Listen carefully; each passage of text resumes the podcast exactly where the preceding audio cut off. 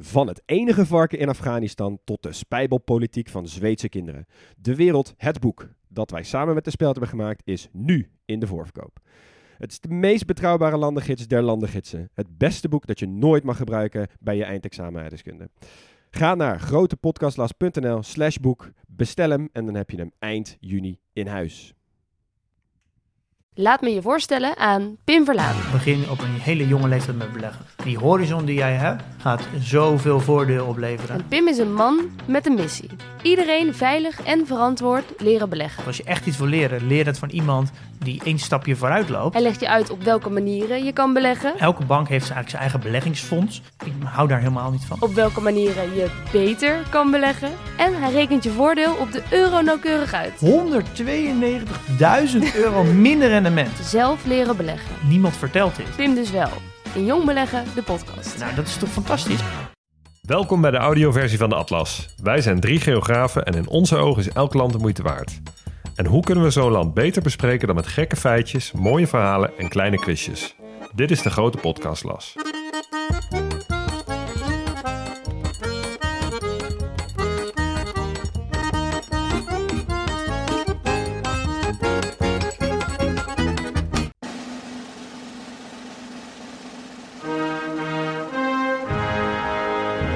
Zeg je Maleisië, dan zeg je Kuala Lumpur. En dan zeg je de Petronas Twin Towers. Hadden die gestaan voor de twee delen waar Maleisië uit bestaat, dan hadden wij je geloofd. Maar helaas, gemiste kans. Wij zijn fan van stedenrivaliteiten binnen een land. 010 versus 020, Lissabon versus Porto, Yaoundé versus Douala en Sydney versus Melbourne. Maar een land dat bestaat uit zulke gelijkwaardige delen, dat hebben wij nog niet gezien. Eiland tegenover schiereiland. Het ene heeft meer natuur, de ander meer bevolking. Het ene is economisch sterker, de ander is groter. Maar laten we alvast zeggen, beide delen zijn de moeite waard. Beeldschoon, complex en kruidig. Welkom in Maleisië. Maleisië. Zo. En niemand ooit geweest, hè? Niemand ooit geweest, toch? Nee, en volgens mij breken we met, met Maleisië ook echt een heel nieuw stuk van de wereld aan. Zo'n gevoel had ik een beetje.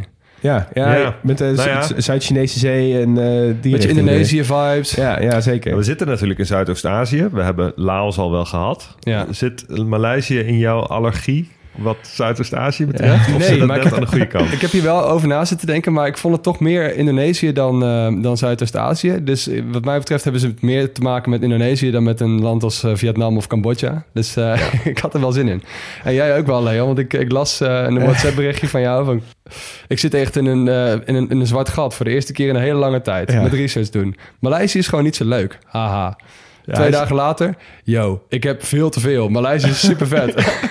Sterker nog, hij stuurde mij dit ook. En twee uur later was het compleet omgedraaid. Ja, ik had gewoon... Ik, soms begin je aan zo'n land en dan heb je gewoon niet zo goed punt waar je moet beginnen. En dan heb je, lees je weer die standaard... Oh, het is een democratie en oh, het is dit en oh. En dan denk je, oké, nou prima, het zal allemaal wel. Maar dan op een gegeven moment heb je dus één zo'n minuscuul haakje... of je leest ergens een naam en dan denk je... Hé, huh, wacht eens even, dit is interessant. Ja. En dan google je dat en dan open je een soort... Nou, Pandora is negatief, maar je opent wel een hele doos vol leuke nieuwe feitjes... dat je denkt, wow, hebben ze dit in Maleisië? Wat bizar. En ja, dat Kun je al het onderzoek dat je daarvoor hebt gedaan allemaal weer weggooien. Ja, ik wil zeggen, ik, ik heb volgens mij, eh, volgens mij heb ik daarna vl- vlak daarna ook jullie nog een app gestuurd. Waarom is elk land verdomme zo interessant? Ja, ja, dat is ook wel een beetje de reden waarom we dit zijn begonnen. Ja. Maar we Ja, krijgen het ook wel eh, af en toe de deksel op ons neus. Ja. Ja. Nou, ik ben super benieuwd eh, wat je dan allemaal gevonden hebt. Ja, wacht maar jongens, ik heb een leuke verrassing voor jullie. Hey, twee weken geleden hebben we de website gelanceerd. Ja, En eh, nou, die weten jullie goed te vinden, hebben we al gezien. zo echt ook super veel leuke reacties en lieve, lieve reacties. Ik was bij een, eh, bij een, een podcastfeestje. Eh, en eh, nou, er waren een aantal eh, bevriende, maar ook eh, concurrente podcasts. En die kwamen naar mij toe en die zeiden meteen... Oké, wauw, dat jullie die feitjesgenerator hebben bedacht. Wij zijn gewoon sticky loers. Dit hadden wij eigenlijk moeten hebben. Nou ja, daar dat gaat wij die hebben bedacht, dat Ali die heeft bedacht. die heeft bedacht, zeker, Ja. zeker. Ik zei al meteen, ja, dat is leuk, hoe, leuk dat je dat vertelt. Maar in principe, het is voor ons ook echt takken veel werk... om elke keer al die feitjes gewoon handmatig in te voeren. Dat staan Ja. er gewoon meer dan 500 in. Ik ben wel benieuwd als eh, luisteraars nog een leuk voorbeeld hebben... van dat ze daadwerkelijk in de kroeg stonden... en ze dropten even een mooi feitje en de hele kroeg ging daar goed op. Laat het ons even weten. Ja, zeker. Eh, voordat we verder gaan naar de aflevering, hebben we natuurlijk ook nog vrienden van de show erbij.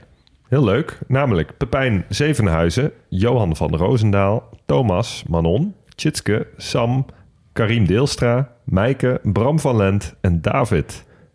Ja, echt mega bedankt. We hebben inmiddels dus al meer dan 230 vrienden van de show, hè? Ja, wat een leuke groep. Dat is Ja, echt, dat is dat, echt, daar kan je een eh, leuk zaaltje mee vullen ook. Jullie Nou, echt la- laten helden. we dat ook gewoon een keer doen. Ja, serieus. Dat we daar een mooi feestje mee bouwen. Ja, daar ben ik echt wel, echt wel heel blij mee. Bij deze beloofd. Gaan we, gaan we een keertje doen. Gaan we ooit doen. We gaan eerst in ieder geval nu een nieuwe aflevering maken, jongens. Over Heerlijk. Maleisië. Yes. En waar ligt Maleisië nou? Dan moet je dus weer even terug naar die twee onderdelen. hè? Want eh, het westelijke deel van Maleisië ligt in het zuidelijkste stuk van Zuidoost-Azië. Dus die hebben echt zo'n soort van lang schiereiland. Lijkt een beetje op een naar beneden graaiende arm. Ja. En van die arm is Thailand de bovenarm. Ja. En Maleisië is, is de onderarm. ja, Thailand is een soort flamingo. En die poten van de flamingo, dat zijn helemaal daaronderin, dat is een soort Maleisië. Ja. Ja. Ja, je Nou gaat wordt- best wel visueel denken van dit soort dingen. En dan wordt economisch gezien onder Zuidoost-Azië vaak ook wel ook Indonesië en de Filipijnen ook nog beschouwd. Maar Ja. je bedoelt nu dus puur even het continent, Mainland, continentale ja. deel. Ja, Ja. precies. Ja, precies. En ze hebben dus ook nog een oostelijk deel. En dat ligt dus op Borneo. Ehm, het noordelijke deel van Borneo, dat is ongeveer Maleisië. Eh, de grens dus aan Indonesië en ook nog aan Brunei. Op een vrij gekke manier, want er zijn twee stukken Brunei. En die grenzen dus allebei alleen maar aan Maleisië. Ja, je hebt dus één eiland met drie landen erop. Ja, mooi Kunnen jullie andere... Er is één ander, enigszins betwist, eiland noemen waar drie landen op zijn. Hmm. Ja, dit is een mooi quizje voor in, eh, voor in... Of dit is een mooi feitje voor op de website. Ga ik hem geven, hè? Cyprus. Op Cyprus heb je namelijk ook nog Oh, dat stuk Engeland. een stuk Engeland. Oh ja. En dus Turkije en Cyprus. Zo, die is vies. Oh, Die is heel vies. ja, heel vies. Daarom zei ik betwist. Heel dubbel maar, betwist. Ja. dus dat is wel in ieder geval goed. Maar het is inderdaad, het eiland Borneo is zo groot... eh, dat je dus gewoon ongeveer één, het bovenste een derde gedeelte is dan, eh, is dan Maleisië. Ja, Dat is echt idioot. En dat is nog wel een groter stuk dan het mainland stukje. Dus Ja. we- dan westelijk, eh, Ja. westelijk Ja. Maleisië. ja, daar heb ik me altijd op gekeken. Ja, Ik heb altijd gedacht dat, Bor- dat Borneo-stukje, dat hangt er nog een beetje bij. Maar dat is, dat is echt Ja. groter. economisch gezien en qua, po- eh, qua populatie is dat ook wel een beetje zo. Maar ze zijn wel eens wel groter. Bij Maleisië moet ik dus altijd denken... als je zeg maar... Vroeger als je een boze smiley tekende... dan teken je toch altijd zo dat... eh, twee van die ogen die dan zo naar beneden staan. Weet je wel? en dat is, vind ik, die twee ogen... dat is zeg maar die, die twee, Ja. eh, twee stukken Maleisië. Is Java dan de glimlach? Ja, maar is dan inderdaad een glimlach. Ja. Mooi. En eh, Sumatra is dan een hele lange neus. en daar moet ik echt ophouden. Hey, Maleisië is in totaal wel acht keer zo groot als Nederland. Ongeveer net zo groot als Vietnam. Er wonen ongeveer 34 miljoen inwoners. Waarvan 2 miljoen in de sta- hoofdstad Kuala Lumpur. Best een bekende hoofdstad. Ja. En alle andere steden die vond ik niet zo bekend. Kajang, Seberang Parai, Subang Jaya en Johor. Ja. Johor ken ik nog wel een beetje. Een beetje Ja, als de overkant van Singapore. Singapore, ja. Dus de grenzen trouwens dus ook niet aan Singapore. Want Singapore is een eiland. Ehm, en qua religie is het wel echt een heel spannend land, jongens. Want eh, van de 100 Maleisiërs zijn er 63 moslim, 18 boeddhist, 9 christen en 6 hindoe. Wow. Ik ga daar later wel een beetje wel, wel verder op in. Maar ik vond het wel liggen echt wel mooi. precies ook in die, eh, in die mix. Ja, en dat vond ik dus ook zo tof. Ja. Ja. Nou, de taal, dat is dus Maleisisch. En dus niet Maleis. Want Maleis, dat is een macro-taal. Beetje één niveautje hoger, zeg maar. Net Ja. als Arabisch, eh Tuareg-talen, maar dus ook Quechua, wat we pas in, Ja. eh, in Peru hadden. En Indonesisch, dus Bahasa Indonesia, is dus ook zo, die valt dus ook onder die macro-taal Maleis. Ah, oké. Ja. En Maleisisch dus ook. Oké. Goed om dat onderscheid even te maken. Eh, achternamen zijn wel een hele mooie. Dat zijn, ehm, die zijn niet zo moeilijk, dus ik ga er best wel een aantal noemen. Tan, Lim, Li, Wong, Ong, Chong, Rahman, Chan, Chin, Bin Ismail en Bin Abdullah. vet. Dus als je het hebt over al religieuze en diversiteit. prijs. Ja. Juist. En dan hebben we de vlag, jongens. Eh, ik dacht echt best wel een mooie, leuke combinatie van de Stars and Stripes en de islam. Ja. Eh, het zijn horizontale rood-witte strepen. En linksboven hebben ze een donkerblauw vlak met daarin een, een gele halve maan en een ster. Ja. En dat bleek ook zo te zijn. Want die Stars and Stripes, dat zijn, eh, dat zijn 13 strepen voor de 13 oorspronkelijke staten van Amerika. En in Maleisië zijn het er 14. En ze hebben zich Ja. in best wel wat bochten moeten wringen om die 14 uit te kunnen leggen. Ze hadden een klein, heel eh, klein eh, voorsprongetje op het geschiedenishoofdstuk. Want ze hadden eerst 11 gebieden, toen 14. En toen viel er eentje af. Ik ga niet verklappen welke. En ze hebben die 14 toch maar gehouden. En toen werd Kuala Lumpur werd een federaal territorium. Een beetje zoals Washington D.C. En toen ging die 14 er maar daarvoor staan. Oh ja, tuurlijk. En eh, toen kregen ze nog een paar van die territoria. En was die gingen, gingen die 14 ging gewoon maar staan voor alle territoria. ja, dus Amerika natuurlijk een beetje hetzelfde. Die had toen die 13 originele staten. En toen was op een gegeven moment een paar sterren. Toen kwam er steeds iemand bij. En ze hebben het gewoon makkelijk aangepakt. Zo'n Ja. ster op zo'n blauw vlak is makkelijker plakken dan een extra Ja, streep klopt. op je vlag. Ja. Alleen Guam en Puerto Rico en zo zijn dus geen sterren. Nee. Dus, en de eh, Europese Unie is op een gegeven moment ook gest- gestopt met sterren plakken Ja. op, de, op de vlag. Ja, klopt. Ja.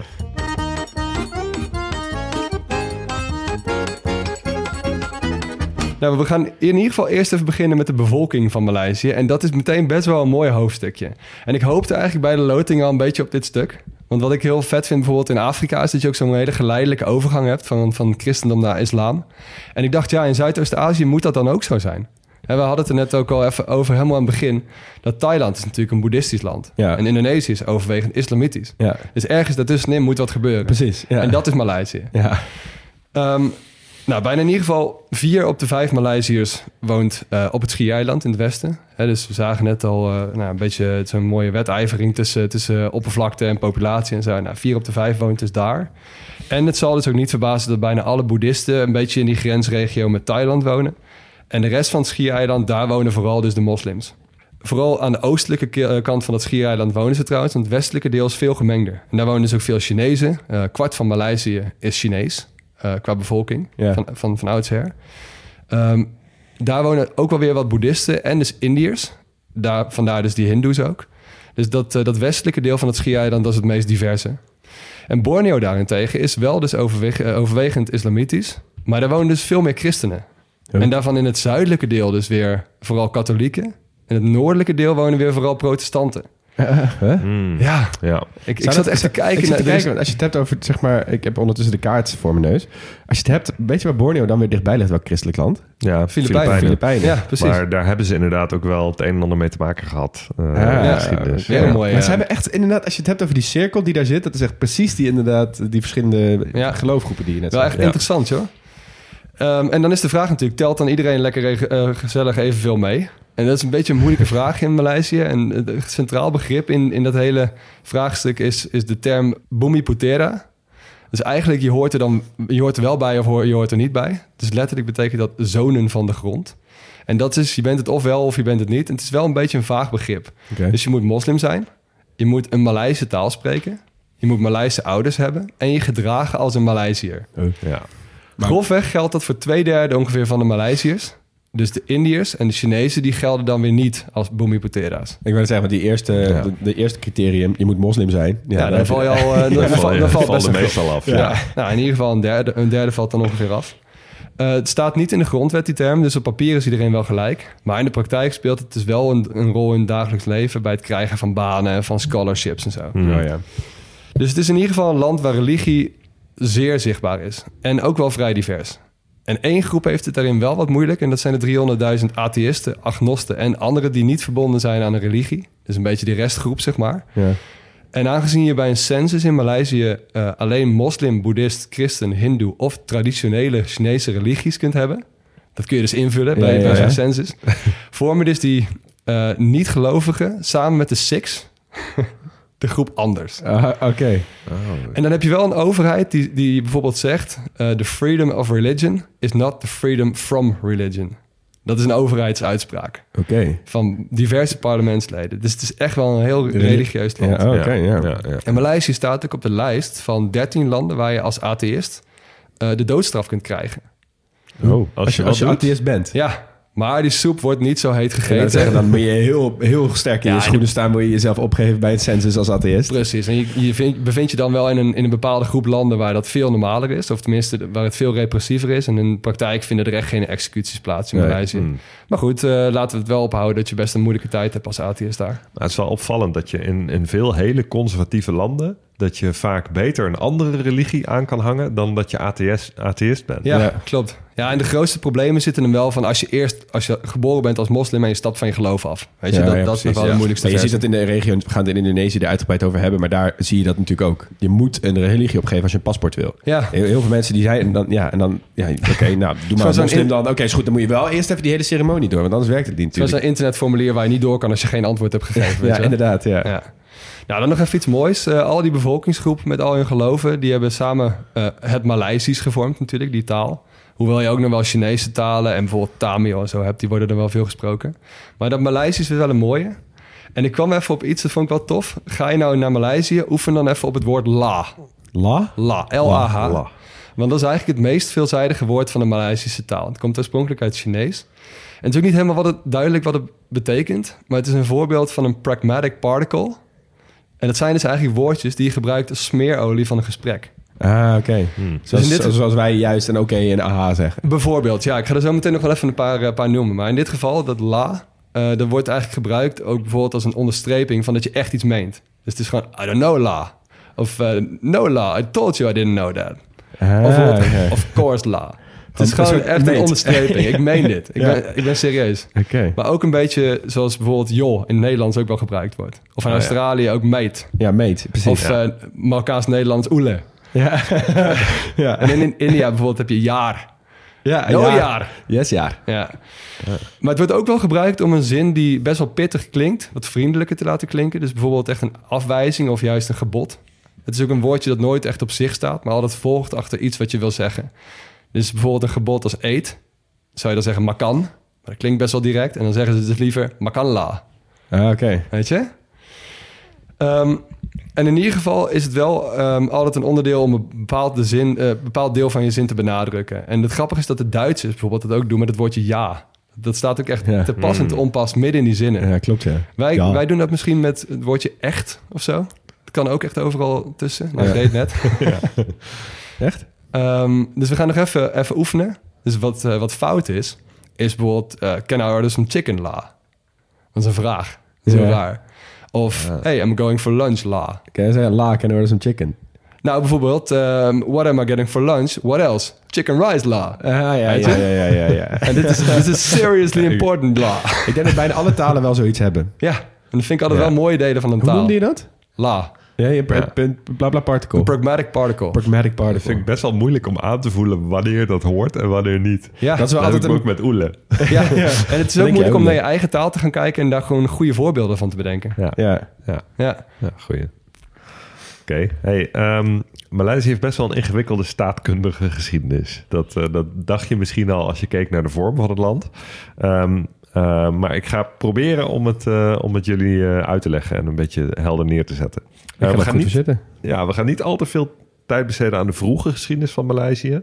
Ehm, eh, je had daar een afwisseling van verschillende rijken, meestal hindoeïstisch, boeddhistisch. Ehm, en in de 15e eeuw werd het gebied islamitisch. Dus dat is een beetje tot, tot dan toe wat je moet weten. Ja. Ehm, het gebied bestond toen uit kleine sultanaten. Hè? Islamitisch geworden, dus, Ja. dus koninkrijkjes met een sultan eh, aan het hoofd. Ehm, en begin 16e eeuw kwamen de Europese koloniale machten. En daar pakken we hem even op. Wie kwamen er eerst? Ja, Portugezen dan. Ja. En daarna? Nederlanders. Nederlanders. Ja. denk ik. En daarna? De Britten. Ja, nou precies. Dus Klassiek, de, de, eh, de drie vinkjes eh, staan er weer. Ehm, wat deden de Portugezen? Die veroverden de havenstad Malacca. Eh, niet te verwarren met de naam van het schiereiland waar Maleisië op ligt. Dat heet ook Malacca. Is dat zo? Ja, Ik heb lekker vanaf in de straat. Ja. Ah, ja, ja, nou ja, Ja. goed. Ja, de- daar is het naar vernoemd. Ja, het schiereiland, waar, maar ook een stukje dus van Thailand, dat heet, eh, heet Malacca. Ja, maar eh, in dit geval de, de havenstad Malacca, dat was toen de, de bekendste, grootste stad van, eh, van het gebied. Die werd veroverd door de Portugezen, die bleven daar een beetje zitten. En in de 17e eeuw namen de Nederlanders Malacca over eh, van de Portugezen. Ehm, in de 18e eeuw veroverden de Britten onder andere Singapore, maar de stad Malacca bleef nog een tijdje Nederlands. Nou was het zo dat eh, de Nederlanders zaten natuurlijk aan de overkant op Sumatra. Ja. Ja. Maar de Britten hadden ook een stukje territorium op Sumatra. Nou, het lag natuurlijk voor de hand om die twee tegen elkaar uit te ruilen. Dus zo gebeurde het. Dus eh, heel Sumatra werd Nederlands en heel Malacca, dus het continentale deel van wat we nu kennen als Maleisië, werd, eh, werd Brits. Ehm, nou, toen bestond het gebied dus uit een aantal Britse koloniën, vooral aan de kust. Maar langzamerhand kreeg ze ook steeds meer invloed op die sultanaten in het binnenland van, eh, van het schiereilanddeel van Maleisië. Ja. Ehm, dat kwam ook omdat daar eh, eh, best wel wat natuurlijke hulpbronnen te vinden waren. Waar de Britten wel, wel wat aan hadden. De industriële revolutie was uitgebroken. Dus ze hadden behoefte aan grondstoffen. Ehm, en Maleisië heeft gedurende de hele geschiedenis eigenlijk heel veel immigranten uit China en India ontvangen. Nou, Ja. Dat zagen we al bij het demografiehoofdstukje. In de Britse tijd kwamen die vooral veel te werken op rubberplantages en tinmijnen. Ja. Eh, rubber en tin zijn een van de belangrijkste grondstoffen in Maleisië. Eh, maar ook veel eh, Chinezen en Indiërs vestigden zich in de steden en werden ondernemer. En ehm, eh, wat eigenlijk opvallend is, is dat de Chinezen en Indiërs eigenlijk altijd hoger op de sociale ladder hebben gestaan dan de Maleiers. Oh. Ehm, en nog steeds behoren Chinezen en Indiërs vaak tot de elite. Hebben ze dus, een, dus sociaal-economisch een, eh, een, een hogere positie dan de meeste Maleiers. Dus Dat is wel interessant. Zeggen, dat zie je ook niet overal, nee. Ja, dus onthoud dat even. Oké. Ehm, nou, die situatie die bleef, eh, bleef zo bestaan eh, tot in de Tweede Wereldoorlog. Eh Maleisië bezet werd door de Japanners, zoals vrijwel heel Zuidoost-Azië. En ehm, eh, zoals we wel vaker zien, heeft dat na de Tweede Wereldoorlog de dekolonisatie een beetje bespoedigd. Eerst heeft het Verenigd Koninkrijk hun kolonies en de Maleise sultanaten op Malaya verenigd. Dus ehm, eh, die, die, kolonies aan de kust en de Maleise sultanaten die werden eh, samengevoegd. Met uitzondering van Singapore. En waarom? Eh, die wilden de Maleiers er liever niet bij hebben. Want ja, dat was maar een drukke haven en eh, de, de wereldhandel was toen nog niet zo groot als nu. En belangrijker, eh, er woonden veel te veel Chinezen in Singapore. je, Singapore ehm, eh, was in die tijd driekwart van de bevolking Chinees. Ja. En er waren nogal heftige spanningen tussen Maleiers en Chinezen. En ehm, eh, eh, ja, je wil niet dat die Chinezen de meerderheid worden van je nieuwe land. Dus Zo, hoe zouden ze daar nu over werd daar- nadenken? werd daar buiten gehouden. Ja. Nou, ja, ehm, uiteindelijk werd het in, eh, in 1957 werd dat Verenigde eh, Malaya werd ook echt onafhankelijk van het Britse Rijk. Eh, dat bestond dus uit alle, staten, eh, alle ehm, eh, staten op het schiereiland Malakka, eh, behalve Singapore dus. Nou, dat heette ook de Federatie van Malakka. Nou, in 1963 werden er nog wat gebieden toegevoegd aan het, het jonge land. Er waren namelijk ook nog een aantal staten in het noorden van Borneo die eh, onder Brits gezag stonden en een Maleise bevolking hadden. Ehm, en dus lag het wel voor de hand om die ook maar bij de federatie van Malakka te, eh, te voegen. Nou, zo geschieden, want eh, de Britten die wilden eigenlijk wel, wel een keer van die koloniën af. En daar is dus eigenlijk de staat Maleisië ontstaan. Ja. En ehm, niet alleen die staten in het noordwesten van Borneo werden eraan toegevoegd. Dit keer ook Singapore. Ehm, ja, daar wonen nog steeds heel veel Chinezen. Maar wat hier aan de hand was, is dat eh, eh, in Singapore een soort socialistische revolutie dreigde. Dus toen was het kiezen tussen twee, ka- twee kwaden voor de andere staten in, eh, in Maleisië. Van ja, gaan we ehm, veel Chinezen binnenboord halen of gaan we een communistische buur, een buur eh, Ja, ja, ja, ja. hebben? Die op een zeer strategische plek ligt. Ja, Ja, ja, ja. inderdaad. Dus toen hebben ze eh, gezegd van nou, eh, dan gaan we toch Singapore erbij voegen. Ehm, Brunei zou eigenlijk ook meedoen, maar die haakte op het laatste moment af. Eh, die hadden het eigenlijk wel goed voor elkaar. Die hadden olie en eh, eh, die zeiden van nou, we blijven, blijven nog wel even een Britse kolonie. Maar goed, al die staten, inclusief Singapore, dus bij elkaar in 1963. En toen is dus het land Maleisië ontstaan. Ehm, de staatsvorm werd een monarchie. En ehm, dat is wel bijzonder, want het, is, het is dus een federatie van allemaal verschillende staten. Dus dan is de vraag, wie wordt koning? Nou, dat hebben ze eh, opgelost met een soort wisselsysteem. Ehm, eh, de, ieder, staatje heeft, ja, Ja. ieder staatje heeft een eigen koning. En om de vijf jaar wisselen ze. Echt? Dit is Ja. zo raar. Alsof die zeven emiraten gewoon elke keer een ander dat de emir levert. ja. Behalve dat nu Singapore natuurlijk een onafhankelijk land was. Ja. Nou, wanneer is dat dan gebeurd? Best wel snel. Het heeft nog geen twee jaar geduurd. In 1965 werd Singapore eruit gezet. Ja, ik wil Ehm, zeggen, want hebben die zich al afgescheiden of zijn zij Nee. gewoon buiten de deur Nee, gezet? ze zijn echt buiten de deur gezet. want eh, eh, de, de etnische spanningen tussen de Chinese bevolking en, eh, en de Maleise bevolking... die liepen zo ver op... ehm, dat ze uiteindelijk dus eh, Singapore de deur hebben gewezen. Joh. Ja, bizar hè? Dat Ja, Singapore, dat, dat begint me ook steeds meer te dagen dat dat ook echt een uniek land is. Zo, hoor. inderdaad. Ja. En ik heb ook echt zin in die aflevering. Ja, nou, ga verder zeker, over ja. eh, Maleisië. Ehm, nou, Maleisië was opgericht. Wie waren daar niet zo blij mee? Filipijnen en Indonesië. Want eh, die hebben ineens best wel een groot land als buur. Ehm, wat daarvoor uit allemaal kleine rijkjes bestond, dus niet zo heel machtig was. Eh, bovendien had, eh, had de Filipijnen een, een beetje een dubieuze claim op die, sommige van die gebieden in Noord-Borneo, die dus ook katholiek waren en Oh, ooit min of meer onder Filipijnse invloedssfeer hebben gehangen. Ah, oké. ja. Nou, de Indonesiërs die hadden dat ook. Ehm, en uiteindelijk heeft Indonesië onder Sukarno tussen, of in de jaren 60 ook nog een oorlog gevoerd met Maleisië en Brunei. De confrontatie. Mooi Nederlands, ja, eh, SIA, Nederlands ja. woord ook. Ehm, Indonesië werd erbij gesteund door China en de Sovjet-Unie. Maleisië door het Verenigd Koninkrijk, Australië en Nieuw-Zeeland. Oei. Dus dit is ook zo'n plek waar Wow. de Koude Oorlog wel heet is geworden. Nou was het niet een grote frontenoorlog. Er waren vooral undercover operaties van ehm, eh, eh, commando's van Indonesië... die bijvoorbeeld sabotageacties deden in Maleisië.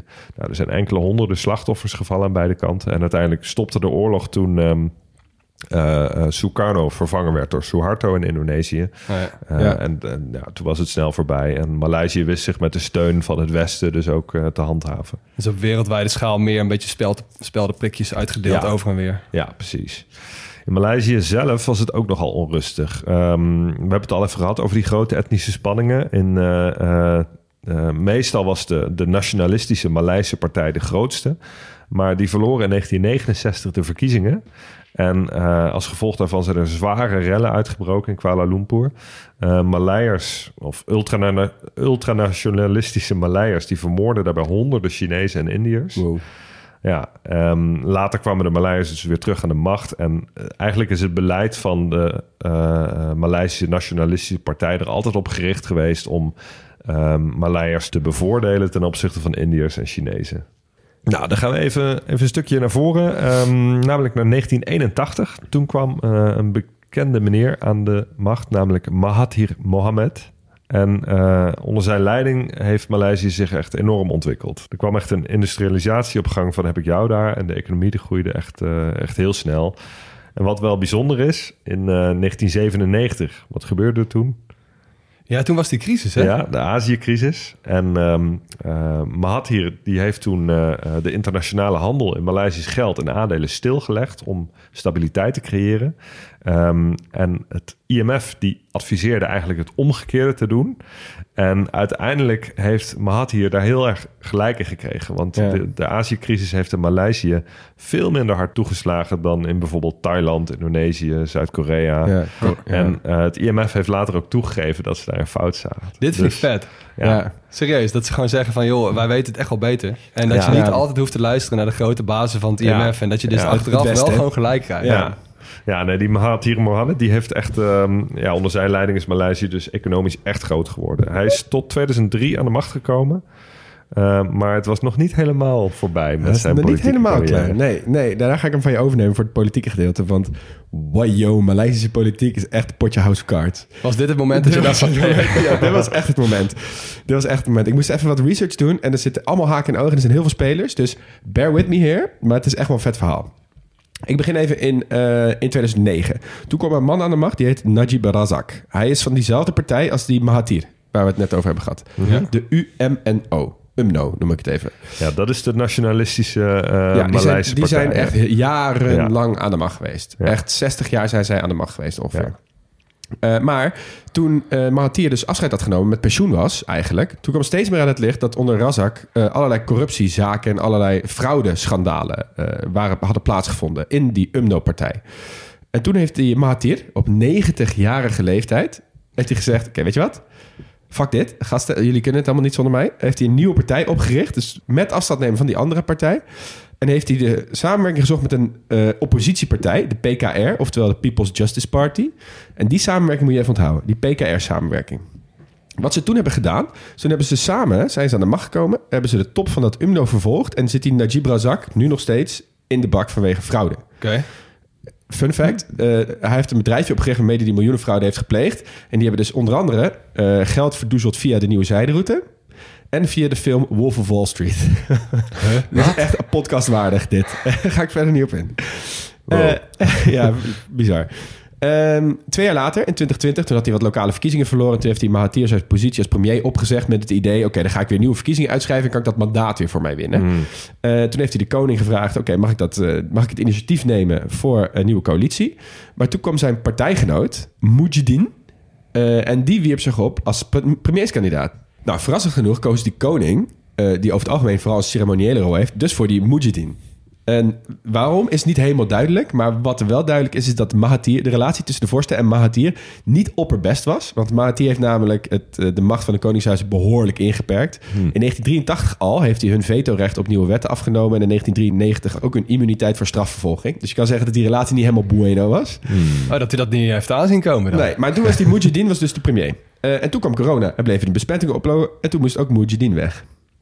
Nou, daar ben je er nog bij? Maar steeds moesten er mensen weg. Ja. Toen kwamen de nieuwe verkiezingen. En vorige maand werd de huidige eh, premier, Anwar Ibrahim, gekozen.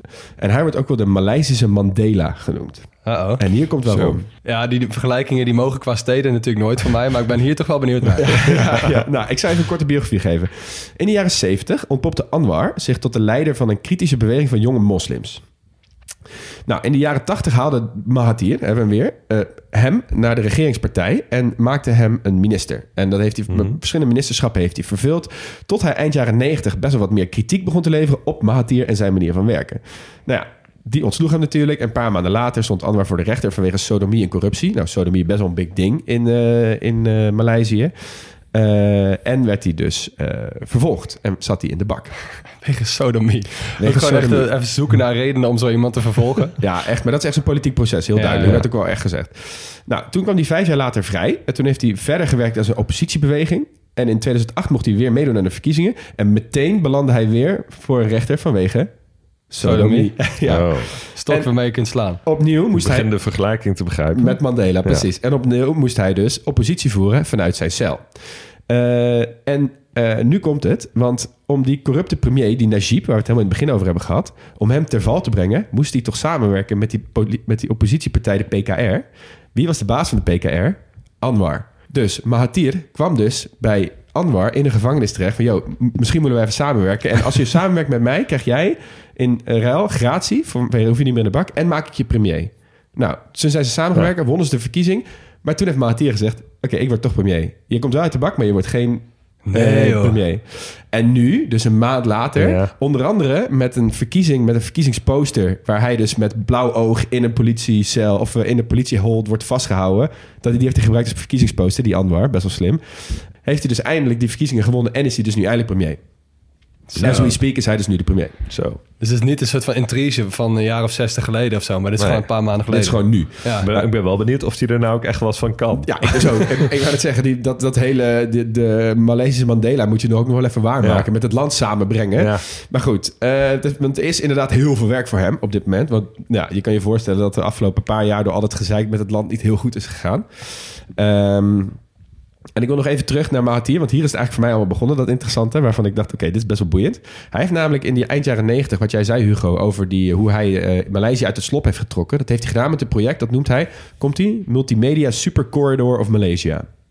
Een hele behoorlijke Chinese annotatie, toch? Met, die, eh, met dit soort woorden. Dus het klinkt een beetje als een grote nieuwe Chinese digitale muur of zo. Ja, Zo. maar dat, zo is het, maar dan heel fysiek. En dat is een soort frame waarmee hij bedrijven en organisaties heel erg naar de 21ste eeuw wilde brengen.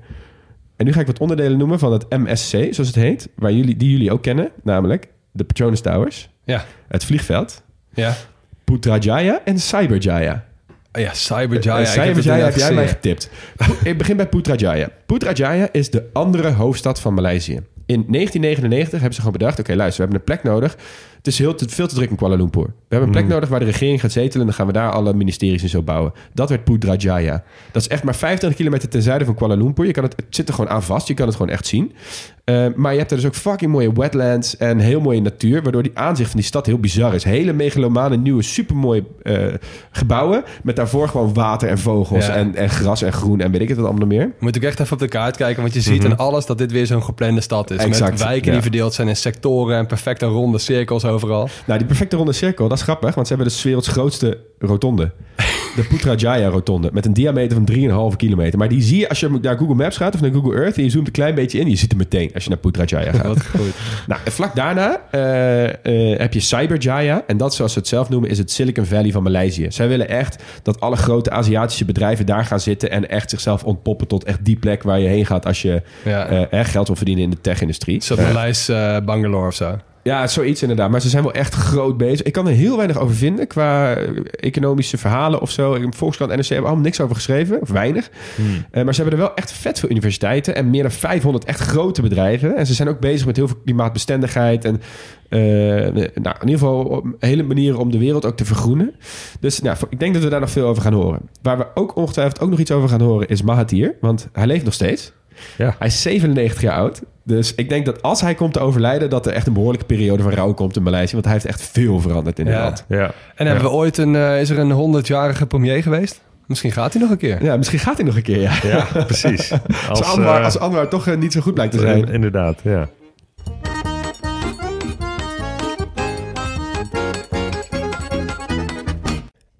Stop de podcast, want onze sponsor van vandaag is niets of niemand minder dan de Philips Sonicare. Jazeker, de elektrische tandenborstel van Philips. Maar wel eentje die er poetst en ook zo uitziet. Want eh, de borstels van deze Philips Sonicare zijn ovaal en langwerpig en die bewegen heen en weer net als bij een normale tandenborstel.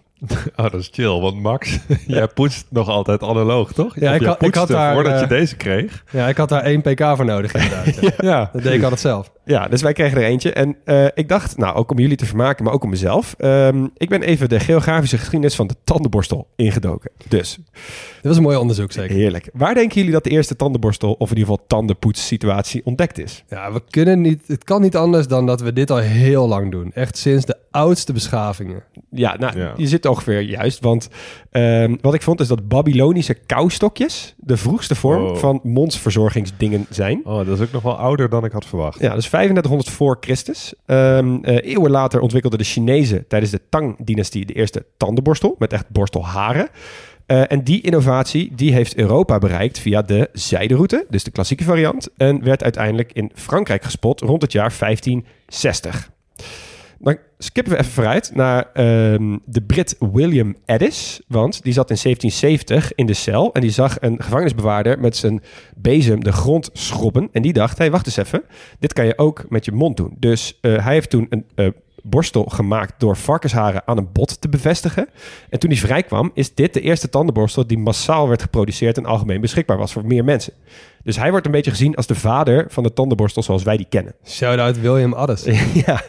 En nu hebben wij hier wat door tandheelkundige professionals over heel de wereld wordt aangemerkt als het meest aanbevolen Sonische tandenborstelmerk, namelijk die Philips Sonicare. En de lieve mensen van Philips hebben ons er eentje opgestuurd, dus ik ben vooral benieuwd. Max, wat vind je ervan? Ja, mijn leven zal nooit meer hetzelfde zijn. Nee, eer- ja, eerlijk, ik deed dit altijd zelf. Dus ik poetste altijd zelf. En ik heb ook wel elektrische gehad. En dan merkte ik dat ik die beweging nog steeds zelf aan het maken was. Ja, Maar dit is een heel goede combinatie van beide. Want ik hou me gewoon mijn borstel stil. ja, Maar dat ding poetst voor me. ja. Dit is, ja, Ja. Ja, voor mij is het ook wel een uitkomst. Want ik, ik poets al wel een tijdje elektrisch. Met een beetje pijn in mijn hart. Ik heb altijd een beetje heimwee gehad naar analoog poetsen. En ik was ook echt weer toe aan een nieuwe borstel. Dus ik vond het echt super chill dat we er gewoon in opge, opgestuurd krijgen. Ik voel me ook eens echt een zieke influencer. Je ook? Zei jij niet ook dat, dat jij hem pas toevallig juist op je verlanglijst hebt Ja, gezet? ik had hem echt de dag voordat ze hiermee kwamen... had ik hem eh, op mijn verlanglijstje voor mijn verjaardag gezet. Nieuwe tandenborstel. En Leon, Dus- jij, leest, jij leest dit, dit hele mooie studietje nou voor met, met heel veel bombardie. Maar jij was ook die man die zei dat hij al 15 jaar dezelfde tandenborstel had. toch? Zeker, Dus ja. dit kwam wel echt uit voor ons. Ja, het kwam Ja. echt fantastisch uit voor Ja. ons.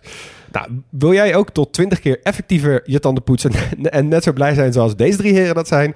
Eh, ga dan absoluut voor een Philips Sonicare. Eh, want ik zou bijna willen zeggen, dit is wel de nieuwste innovatie van een 5500 jaar oud modelletje. En dan gaan we nu terug naar de podcast. Terug naar de podcast.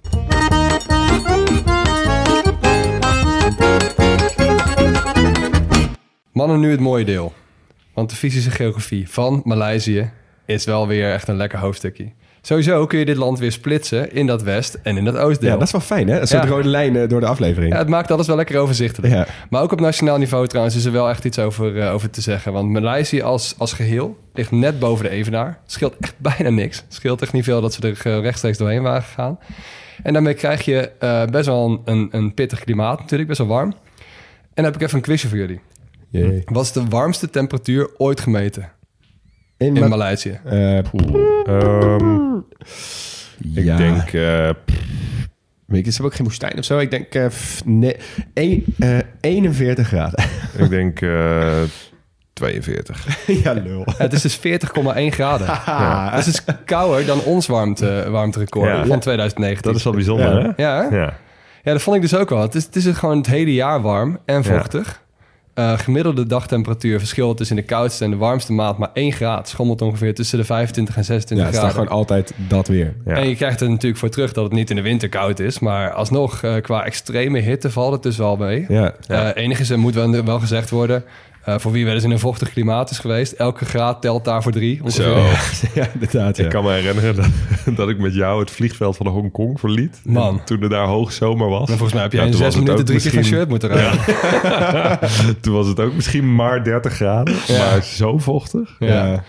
Ja, dus dat zal je in, eh, in Maleisië ook wel krijgen. En ehm, nu toch even die splitsing, jongens, tussen Oost en West. Eh, de meeste bevolking en economische activiteit vind je natuurlijk in het Westen. En daar is het ook wel echt mooi. Maar sorry West, eh, de wildste natuur vind je wel in Oost. Ja, Dus ook toch? de hoogste berg, de Kinabalu. Eh, bijna 4100 meter hoog.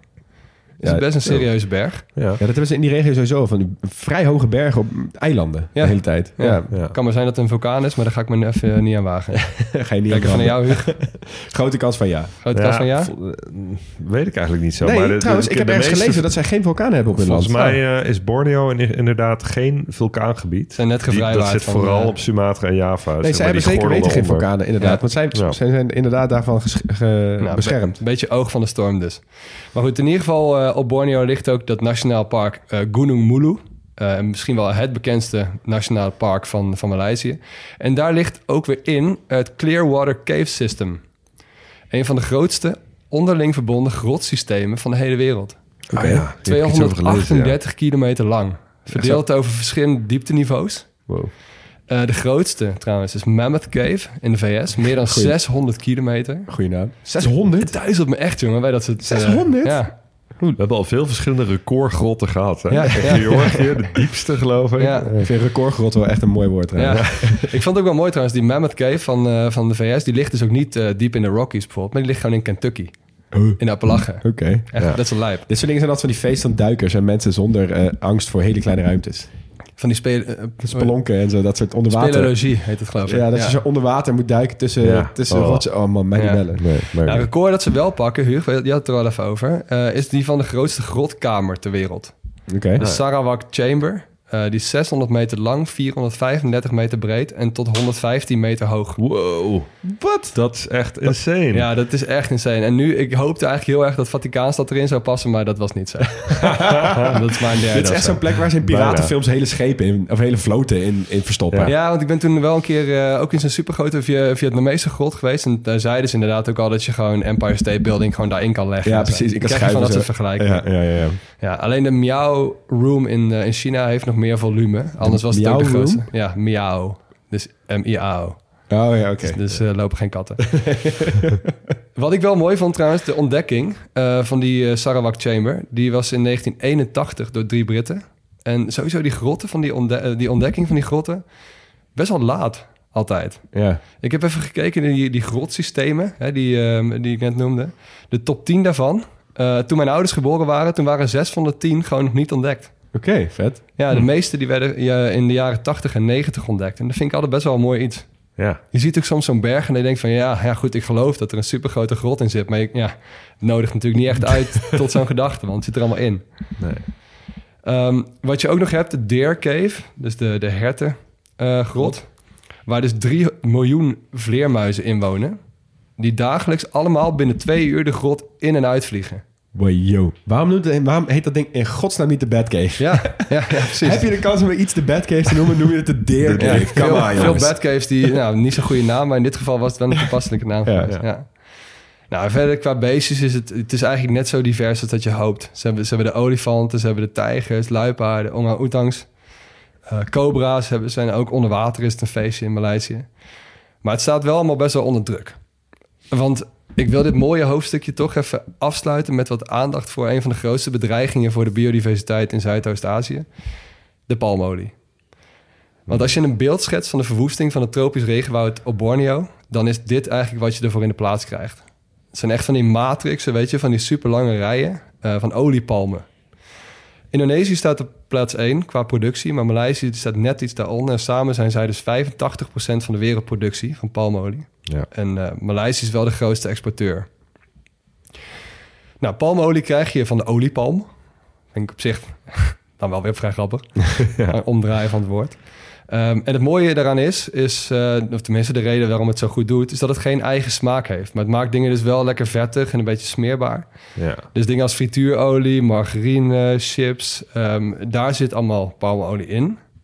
Maar ik ging dus ook even verder zoeken waar het dan nog meer allemaal in zit. Ja, dit zijn de sites van de Milieudefensie waar je liever eigenlijk niet op zou komen... tenzij Oh, ja. je dus onderzoek aan het doen bent naar palmolie. Mhm. Waar het dus ook in zit, en daar schrok ik ook wel een beetje van... babyvoeding. Oké. Ah, ja. En ook in dingen als cosmetica. De zeep en crèmespoeling en shampoos. zit Allemaal palmolie in. Ja, En het meest schokkende vond ik nog wel biodiesel. ja. 53% van de palmolie die de EU importeert... wordt verwerkt tot biodiesel. En dat Ja. zou dan goed voor het milieu zijn. Ja. Ja. Dus ja, Ze heeft Ja, misschien heel erg twee kanten. het heeft heel erg twee kanten. Want aan de ene kant, het, is, natuurlijk, het bestaat niet voor volledig uit, eh, uit, uit aardolie. Nou, dat, dat moeten we ze geven. Aan de andere kant, wat je ervoor terugkrijgt... is dat we heel Borneo gaan, eh, gaan, gaan ontbossen. Ja, dus al Ja. die tapirs en neushoorns en apen Ja. en weet ik het, en orang-oetangs die je gewoon wegdrijft uit hun natuurgebied, omdat je Ja. er dus gewoon iets wil verbouwen. ja. Ja, want Je je, ziet het krijgt ook- gewoon een enorme monocultuur. Het, het zorgt ook Ja. voor superveel bodemerosie in die gebieden. Ja. Ja. Omdat die, eh, ja, die wortels van het oerwoud normaal gesproken de, de bodem vasthouden. Ja. Als je die allemaal weghaalt, dan eh, Ja, dus op, de, spoelt de vruchtbare grond zo weg. ja, op het eerste gezicht is die oliepalm ook best wel een mooie boom. Uh, maar het is toch een beetje een duister verhaal. Ja. Zijn er tapier trouwens in Borneo? Zeker. Zit hij er gewoon daar? Ja man, ze hebben een eigen tapier. Ze hebben een wit-zwarte tapier. Oh, Wat goed. dat beest ga ik zo even googlen. Ja, ik ook. Maar ja, dat, daar, eh, die, die zal ook wel te lijden hebben onder, eh, onder de palmolie. Nu, eh, nu nog eventjes, ik zei natuurlijk net wel over die biodiesel. Ehm, dat heeft de EU dus wel afgebouwd. En eh, ze hebben onlangs wel besloten in 2019 dat ze dat geleidelijk gaan afbouwen. Dus in 2030 moet, eh, moet al die biodiesel palmolie vrij zijn. Ja. En het kutte en het hoopvolle aan die palmolie is een beetje... er zijn, er zijn prima alternatieven. Dus zonnebloemolie, raapzaad, koolzaadolie... dat, dat kun je natuurlijk gewoon allemaal, allemaal, allemaal gebruiken. Ja. Ja. En ehm, op producten kun je wel zien of het erin zit.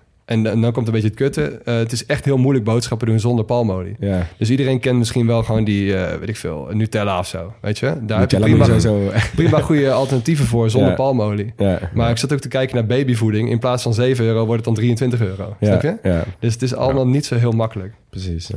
Wat het nog pijnlijker maakt, is dat die oliepalm uit West-Afrika komt. Meegenomen is naar Indonesië. Door wie? De Nederlanders De waarschijnlijk. Zeker. Ja. Ja. ja, Ja. dat hebben wij gedaan. Die hadden daar wel een neusje voor, ja. Ja. Ja. En wereldwijd is 40% van de ehm, plantaardige olie is palmolie. Dus het is echt vet groot. Ehm, en er zijn natuurlijk ook wel eh, argumenten voor palmolie. Want die oliepalm is de meest efficiënte qua opbrengst.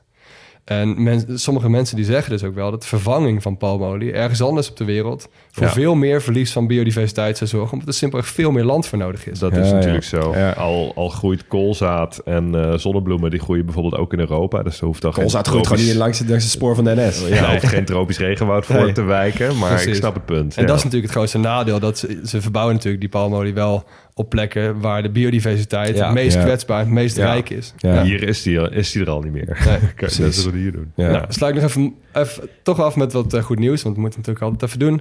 De langste tropische boom staat in Maleisië, of tenminste de- die soort. De Tua Lang. Vind ik ook wel mooi. Ja. Tua Lang. Eh, en de grootste bloem ook, de Rafflesia. Die kan een diameter hebben tot 1 meter en hij kan 10 kilo wegen. Wat? Van En een ik, bloem? Ik zag dat ding en toen moest ik echt weer teruggaan naar, weet ik veel, 11-jarige Maxi. Het leek me echt op een Pokémon denk en ik dacht, dit is, dit is Vileplume. En toen schaamde ik me heel erg dat ik het wist en het klopt ook. Nice. Oké. Eh, nou, over die palmolie, als ik hem dan gelijk even, even mag overpakken eh, bij economie. Want eh, je zei al, de Nederlanders die hebben het naar Zuidoost-Azië gebracht. Nou, in de koloniale tijd was Maleisië dus ook al een grote producent van palmolie. Ehm, twee andere producten hebben we al genoemd, waar ze ook heel groot in waren. Tin en rubber. Dus dat waren eigenlijk in de koloniale tijd waren de drie dingen waar de eh, Maleisische economie op dreef. Ja. Dus palmolie, tin en rubber. En over rubber wil ik het even hebben. Ehm, fun fact, ook rubber komt oorspronkelijk helemaal niet voor in Maleisië. Net als, eh, als palmolie dus. Eh, Ja. Maar komt uit Brazilië. Ja, Ja, want we hebben al hebben op Brazilië, twee hè? andere continenten inderdaad zo'n rubberboom gezien. Want we zagen het in Congo ook Precies, ja. Ja. ja. Tijdens de aflevering Brazilië hebben we het er geloof ik niet over gehad. Maar eh, ik heb het even kort genoemd inderdaad. Dat het, dat het wel inderdaad te maken had met die slavenhandel. Dat mensen dus die rubberplantages ja, op moesten. ja, nou die, die rubberplantages die zaten vooral in de Amazone, bij Manaus. Ja. Manaus was echt eh, in de 19e eeuw de rubberhoofdstad van de wereld. Ehm, En in 1876 heeft een Britse ontdekkingsreiziger 70.000 zaden van de rubberboom verstopt in een bananenblad en Brazilië uitgesmokkeld.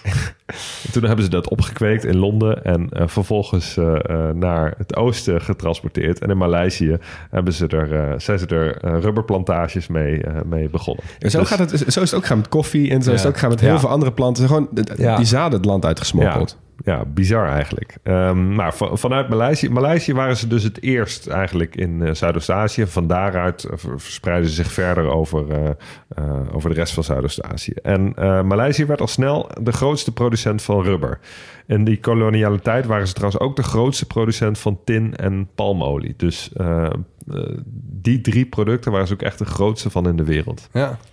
Nou, wat wel wrang was voor Brazilië, was dat de kwaliteit van de Aziatische rubber veel beter bleek. en was ook nog eens goedkoper te maken.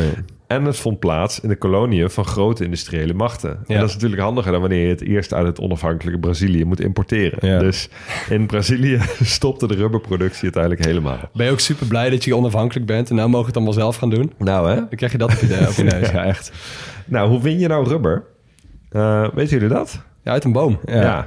Ja. je snijdt is eigenlijk... eh, ja, ja, het is vloeibaar. Het is eigenlijk eh, boomsap. Dus je snijdt een opening in de schors van de boom... en daar hang je een bakje onder. En dan eh, druppelt dat bakje langzaam vol. En dan eens per dag dan... ja, Leeg je dat bakje. het bakje, leeg je het bakje eigenlijk. En daar kun je rubber van maken. Dat sap, dat heet latex. Jullie niet, hè? Nee. Nee, dat wist ik Oké. Het is ook wit. En ja, dat bestaat voor ongeveer een derde uit rubber. En als je dat latex behandelt met zuur, dan stolt het rubber. En dan kun je het eruit scheppen als het ware. Ah. En dan heb je dus puur natuurlijke rubber. Vet. Ja. Je wordt eh, zojuist bedankt door de feitjesgenerator van onze nieuwe website. Nou, hè? heb ik er nog een voor je. Weet je waar de naam rubber vandaan komt? Van het Engelse woord rubbing. Dat wrijven betekent, zoals je met een gum doet, een rubberen gum, Ja. om een potloodstreep eh, uit te, te Oké, dus Ja. maar was het dus eerst het...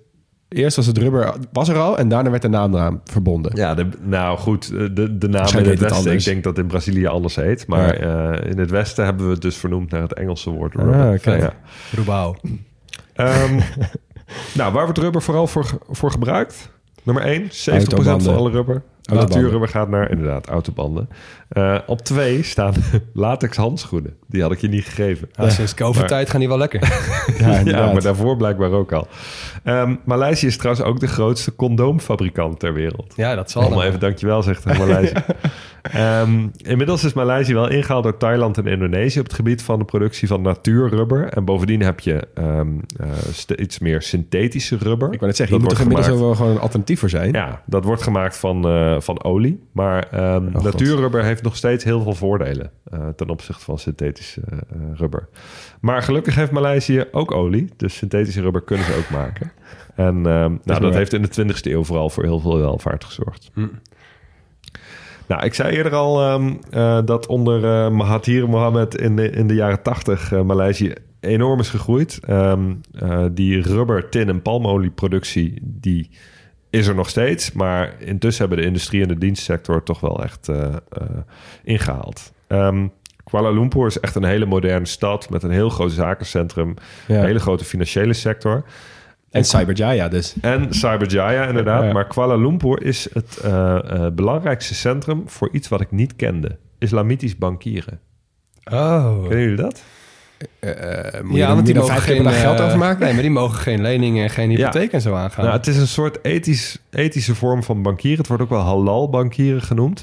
En banken die aan islamitisch bankieren doen... die volgen de Koran en de sharia in hun beleid. En dat betekent eh, dat je bijvoorbeeld geen woekerrente mag heffen. Ja. Want dat is verboden in de Koran. Ah, Ja, dat is volgens mij ook de reden waarom veel moslims in ieder geval heel veel moeite hebben met hypotheek aangaan. Omdat daar rente aan zit en dat dat volgens mij voor de, voor Ja. de islam geen, geen goed Ja. plan is. ja, dat klopt. Ja, sterker nog, volgens mij noemen ze dat zelfs een halal-hypotheek. Oh ja. Oké, ja.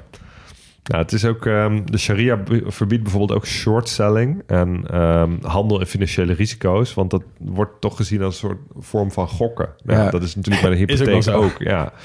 Ehm, halalbanken investeren bijvoorbeeld ook niet in eh, verboden dingen zoals alcohol, eh, de varkensvleesindustrie natuurlijk, pornografie, et cetera. Maar Maar wel in olie en wel in alles wat de wereld... eh, Ja, verschilt. Wapens. Je zult ook groene eh, islamitische Zeker, banken hebben. ja. Dus, eh, maar goed, dat, eh, dat verschilt. Klimaat halal hypotheek. Ja, Gaat er maar maar best wel, best wel een vette niche. Of nou ja, niche. Het is best wel een groot zeggen, onderdeel van de bankensector. Maar in ieder geval eentje die ik niet kende. Ik had er ook nog nooit van gehoord. Nee. We hebben het al een aantal keer gehad over Chinese migranten... die dus ehm, eh, veel ondernemingen hebben... en ook echt een hoge sociaal-economische status hebben.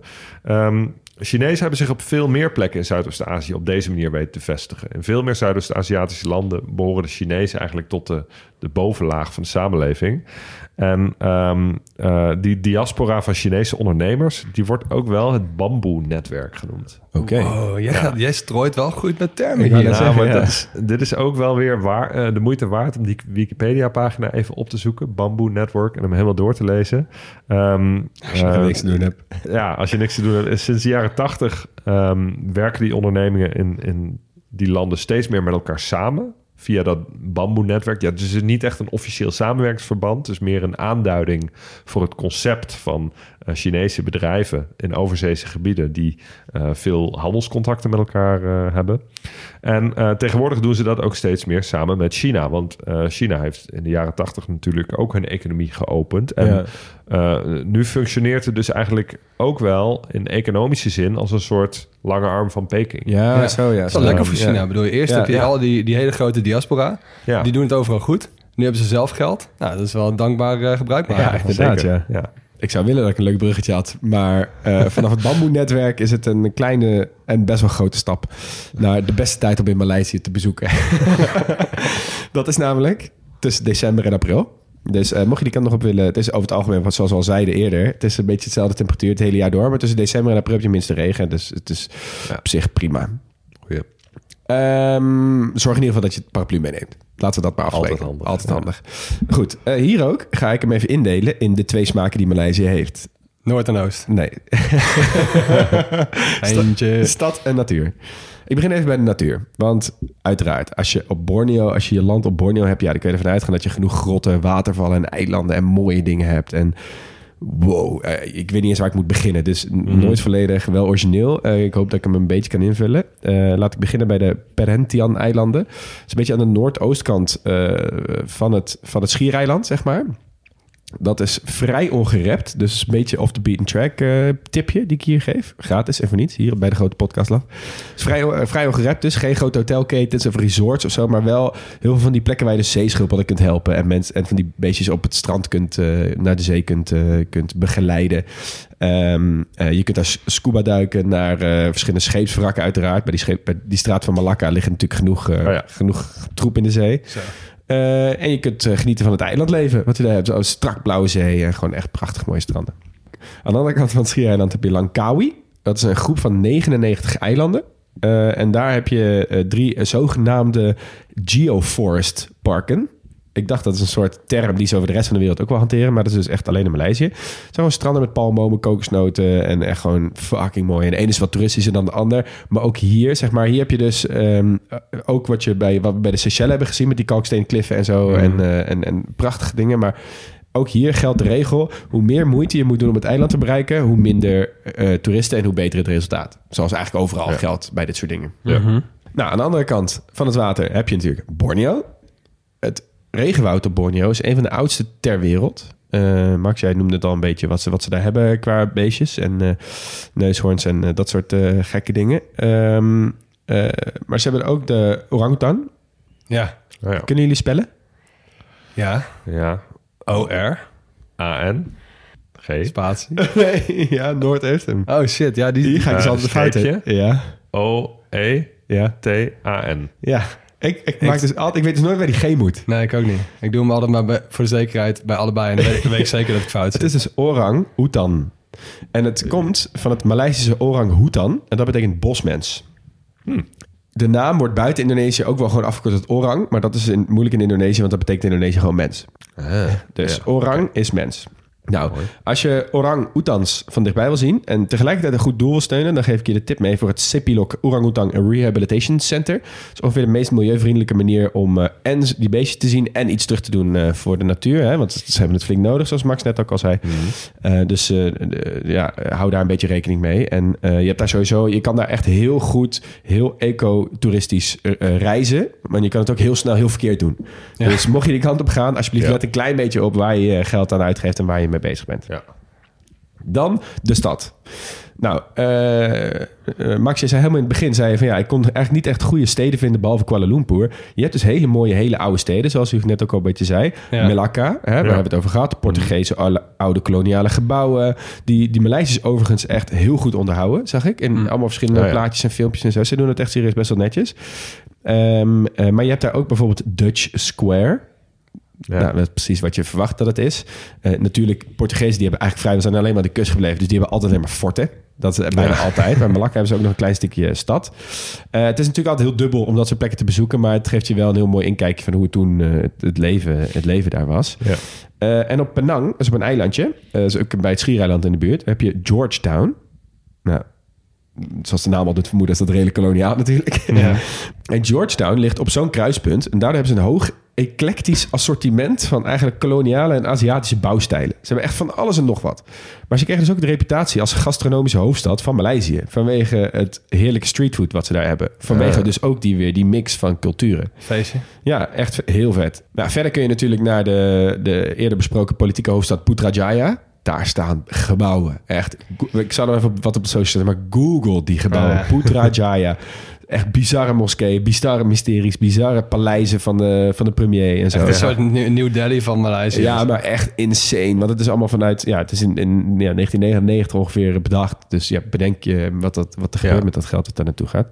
Maar goed, de, de, eh, de place to be van heel Maleisië is natuurlijk Kuala Lumpur. Eh, oftewel KL. Iedereen noemt het daar KL. Niemand zegt Kuala Lumpur. Pas wel UB. UB, Nu KL. Ulaanbaatar, nu weer KL. nou, KL is misschien wat meest bekend om... Ja, die torens. Ja, de Petronas Twin Towers. Eh, dat is eh, 's werelds hoogste tweelingtorens. Ja. Ja. ja ik, ik weet niet dus of de of World Trade Center in New York ook onder tweelingtorens vielen. ja, vielen er wel onder, maar die waren lager altijd. Ja, dat klopt ja. En dat zijn inderdaad Ja. lager. Ja, ja, moet je nagaan dus hoe hoog, eh, hoe hoog die zijn. Maar goed, maar Kuala Lumpur staat ook standaard in het lijstje van de top 10 meest bezochte steden ter wereld. Echt? Ja. Die had ik je ja, niet dat- gegeven Nee, maar ja, goed. Nee. Er gaan, iedereen die naar Maleisië gaat, vliegt op Kuala Lumpur. ja. Sterker nog, iedereen die Maar naar die dan regio nog. gaat vliegen naar Kuala Lumpur. Ja. Of misschien naar Singapore. Ben ik hier op vliegveld geweest? Ja, oh, hoe vond je dat? Ja, ik was super blij dat ik eh, eh, COVID Vietnam was ontvlucht. En toen, Oh, eh, dat was drie toen. dagen later hebben we pas in ja, Peru gehoord, ja, ging het precies. alsnog fout. Ja. Dus ik weet er niet zoveel meer van. Ik wou dat zeggen, want heel veel mensen die hebben echt het Kuala Lumpur eh, airport, zien zij echt als de eh, apex van airports, zeg maar, van vliegvelden. Eh, hoe je een vliegveld zou moeten inrichten, zeggen mensen, dat is Kuala Lumpur. Dat Oh ja. Sowieso, als je oude vliegvelden wil zien die een beetje verkrekt zijn, ga dan gewoon naar Europa. En Ja. als je de nieuwe wereld wil zien, ga dan Manchester naar Airport bijvoorbeeld. bijvoorbeeld. Ja, echt Grafzooi. Ja, of dingen als eh, Charles de Gaulle of zo, weet je wel. Maar goed, als Ja. je in ieder geval de mooie nieuwe wereld wil zien, ga dan gewoon lekker naar Aziatische vliegvelden. Ja. Ja. Maar goed, terug naar KL. KL is echt een ziek diverse stad. Eh, qua religie, dus inderdaad qua tempels en, en dingen die je er tegenkomt. En moskeeën natuurlijk. Maar ook qua eten. Dus eh, met restaurants en eh, verschillende streetfood tentjes die je daar hebt. En divers qua stadsopbouw. Want je hebt dus in het centrum is echt super, super veel high-rise en heel blitz. En heel veel mooie lichtjes en dingetjes. En hoe verder je naar buiten kom je natuurlijk ook die oude koloniale bebouwing tegen. Maar natuurlijk ook die diversiteit in bijvoorbeeld Chinatown en Little India. Wat je Ja, daar hebt. Dus ja, echt ja. super veel verschillende diverse dingen die je daar hebt. Ehm, je kunt naar Bukit Bintang.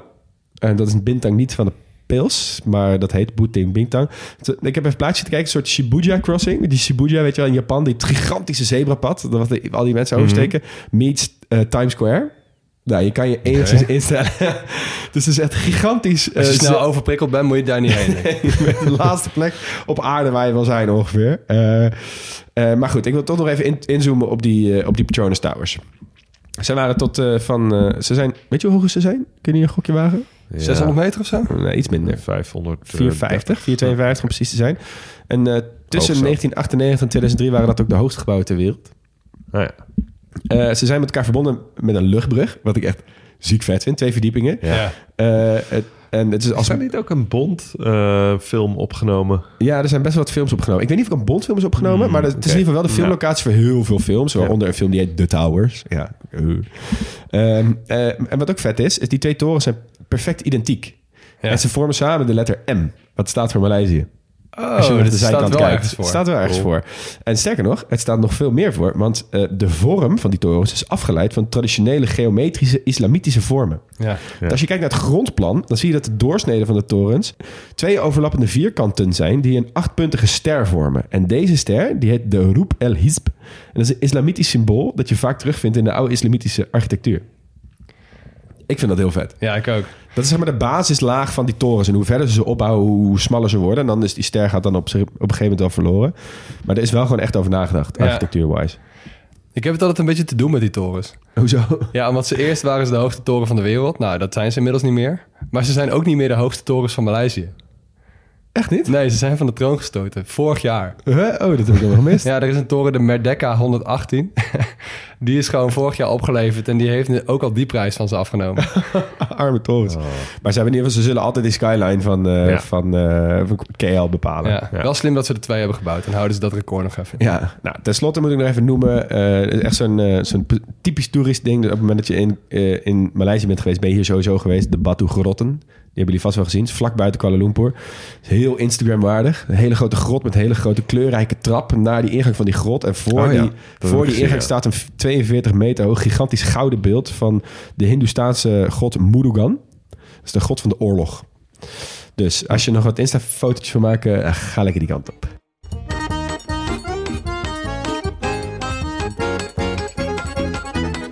Jongens, wie heeft er zin in het, in het laatste hoofdstukje? ja, kom maar door. Het is wel echt altijd mijn lievelings. En in Maleisië, ik heb ook hoge verwachtingen. Dus ik begin even met kunst. Want kunst in Maleisië is echt heel zichtbaar. In dagelijks leven kom je allerlei vormen tegen... van dingen als houtsnijwerk, als zilverwerk... eh, weefkunst zijn ze heel goed in. Oh, ja, ja, ja. En een heel breed scala aan allemaal kunstuitingen... die horen bij al die etnische groepen waar we het over gehad hebben. Er zijn ook wel goede groepen daarvoor. De Chinezen kunnen dit wel, de Ja. Indiërs kunnen dit wel. Ja. Ja. Dus, Indonesiërs, vergeet die niet. zeker. Die batik en zo. Exact, ja. Nou ja, batik is even het eerste waar ik het over wil hebben. Oh, echt? Batik is in ieder geval groot in Indonesië, maar ik dacht, we behandelen het hier alvast even. Dan kunnen we erin. eh, dit is een beetje een introotje en in Indonesië gaan we helemaal los. Eigenlijk komt ook de eer vooral Indonesië toe, maar het is ook wel echt groot in, eh, in Maleisië. Pas op met wat je zegt, hè. Straks zijn we al een boze Maleisiërs in onze inbox. Ja, nou goed, eh, mogen berichtjes sturen. Krijg je heel lief berichtje van mij terug. nee, batik is wel echt, het is een hele verfijnde manier om kleding van verf te voorzien. En in plaats van de patronen die je wil verven op de kleding te verven, doe je eigenlijk juist het, het omgekeerde. Je verft eerst alles met was, wat je niet wil kleuren. Dat plakt erop. ja. En vervolgens ga je met was eroverheen als een soort schabloon. En dan Ja. alles wat je dus niet hebt afgeplakt, dat wordt gekleurd. Oh, ja. En dat kun je heel vaak achter elkaar doen. Dus je kunt die was er allemaal afschrapen. En dan die was weer opnieuw aanbrengen. En dan weer opnieuw patronen erop aanbrengen. Ja. En wat je dan krijgt is hele gedetailleerde, eh, mooie vormen... op hele lange gewaden en kleding. Ik vind het altijd echt waanzinnig om te zien. Klinkt Ja. ook echt wel als veel werk. Ja, Ja, en daar zijn ze echt wel, daar zijn ze wel goed in. En inderdaad, hoe meer je tijd en hoe meer het een soort van monnikenwerk is... hoe, hoe, Ja. hoe Ja, imposanter maar je het over het echt, algemeen bij die details zie je echt wel terug, hoor. Want ik Ja. was natuurlijk afgelopen zomer in Indonesië. Nou, daar is echt batik wat de klok slaat. Maar dat is prachtig, jongen. Ja. Sommige stukken, ja, sommige natuurlijk ook ziet om niet aan te gluren. Maar echt heel veel dingen is echt, wow, echt indrukwekkend. Heb je in Indonesië ook het, het schimmenspel gezien? De Shadow Puppetry? Ja, ik heb de poppen gezien. Ja. Maar ik vroeg me toen af, waar is dat van? Want ik heb dat vroeger wel eens bij mijn oma zien staan. En toen dacht ik altijd, wat is dit voor... Ja, in Nederlandse huizen stonden die inderdaad ook wel. Dat klopt. Ja, Ja. Dat is echt zo'n Ik koloniaal precies overblijfsel meteen wat je, zo. bedo- wat Ja. je bedoelt. Ja. Ja. Nou, die dingen die worden dus ook wel gebruikt. En dat is dus in het schimmenspel. En het schimmenspel, dat kun je ook wel... Hè, dat vind je ook wel buiten Azië. Maar het komt van oudsher wel daar vandaan. Ah. Ehm, eigenlijk wat het is, ze noemen het daar wel wayang. En het is een, het is een voorstelling. Met poppen dus. En die poppen die hebben dus een soort van... Ja, houten klaas en... zijn, eh, ja, ze zijn gewoon de acteurs in die, in die voorstellingen. Ah, ja. Dus ehm, ik vind dit eigenlijk een beetje, als ik het toch mag dopen tot iets, een beetje de allereerste versie van dat mensen naar de bioscoop gaan. Want het stamt echt Ja. al vanuit de Ja. tijd van onze jaartelling Nee, ongeveer. met, met licht en dan iets daarop projecteren, zeg ja, maar. nou ja, het licht gaat dus inderdaad uit en daarna wordt het licht op ehm, eh, daarheen geschenen. Ja. Waardoor je dus die poppen ziet bewegen en voor een doek. Mhm. En de schaduw van die poppen, dat is het spektakel waar je Ja. zit te kijken. ja, dat is echt film. Ja, Cool. nou ik vind het dus ook wel heel tof. En ehm, door de techniek kun je dus net wat meer dan dat je het zelf moet spelen. Ja, want je kunt dingen ineens heel groot laten worden of Ja. heel klein. En met inzoomen en uit, met naar voren en naar achteren. Ja. Exact. En eh, je kunt met licht en met rook kun je spanning opwekken. En het wordt ook wel gebruikt om rituelen te begeleiden. Dus religieuze Oh, ja. rituelen. Ja. En de muzikale traditie van Maleisië... die sluit van oudsher ook wel aan eh, op die opvoeringen van het schimmenspel bijvoorbeeld. Maar ook bij Bangsawan. Oké. Eigenlijk de traditionele Maleisische opera. Wat je meer moet zien in het licht van een verhaal dat verteld wordt door muziek en dans... dan door wat jullie kennen als de audioversie van opera. Dus ze zingen wel op een andere Ja. manier. Mhm. Ehm, dus je kunt het misschien ook wel eh, beter vergelijken met een musical. Ehm, het is echt een combinatie van een verhaal, muziek, dans en zang. Oké. Hm. En ehm, ik ga even een stukje laten horen van hoe zo'n voorstelling wordt opgevoerd. Ja, benieuwd. Masuk ke taman hendak berjumpa putri impian. Sayangnya helah mereka ketahuan. Datuk Panglima penjara. Het klinkt heel sensueel en, en Ja. rustig en rustiek. Ja, het is ook een beetje moeilijk om, een, eh, om echt een alomvattend idee te laten horen van die Bangsawan. Want ja, het is een voorstelling, die duurt soms wel een paar uur. Het Ja. klinkt inderdaad wel iets als je, waar je echt ingezogen wordt als je hier een paar uur naar zit te kijken. Dat denk ik ook, Ja. zonder dat je er iets van begrijpt. Maar Ja. nou ja, het is echt best wel een mooi kleurrijk decor. En er komen mensen in hele mooie outfits, die komen steeds het podium op. Het is wel echt tof. Dat, ik- als, je, als je in Maleisië bent, dan zou ik dus best wel graag naar zoiets willen. Ja, dat lijkt me dus heel vet. Dat je in één keer ingedompeld bent in zo'n lokale soort musical... en dat je echt denkt, wat gebeurt hier? Wel eentje die er niet is voor de toeristen. Ja, exact. ook voor dat ik. Ja, ja, ja. Nou, wat ik wel, ehm, waar ik wel van kon genieten in de Maleisische muziek... was een beetje de periode net na de oorlog. Eh, in de jaren 50 was de ster van Maleisië was Ramli. Oftewel P. Ramli. Hij was een acteur, een regisseur, een componist en een muzikant. Dit was echt een van de grootste ehm, mensen in de entertainmentwereld... in de naoorlogse Maleisië. Ehm, een van zijn grootste hits was eh Getaran Jiwa. Oké. Een stukje van luisteren. Andai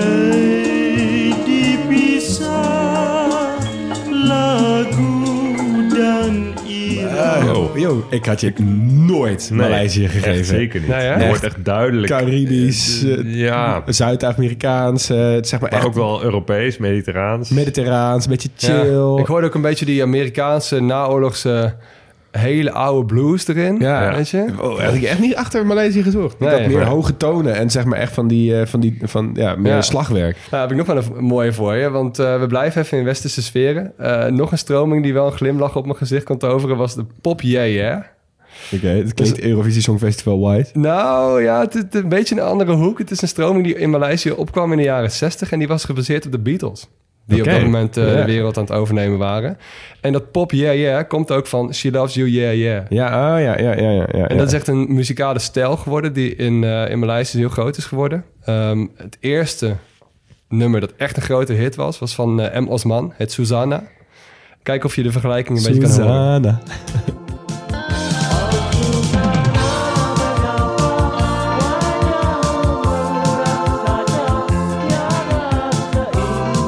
Oh, dit is inderdaad ook echt een beetje een soort Beatles meets Beach Boys. Beetje surf rocky. chill. Surfing USA klinkt- Surfing- klinkt ook wel een beetje ja, mooi, ja. Echt. Ja. Oh, ik vind het best wel relaxed eigenlijk. Wow. Ik dacht ook echt, wat is dit voor hoek, hè? Ja, inderdaad. Het zou mooi staan in de grote popatlas. Zeker.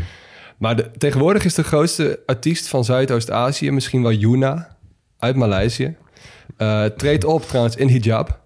Dus dat vinden mensen dan ook wel weer... eh, Het is wel een Ja. imposante verschijning in Ja. de westerse culturele wereld. Ehm, dit is Crush, haar nummer, gemaakt met Usher. Oké. Asja, Asja. Meer dan 100 miljoen keer bekeken. Ik ben benieuwd wat jullie ervan vinden.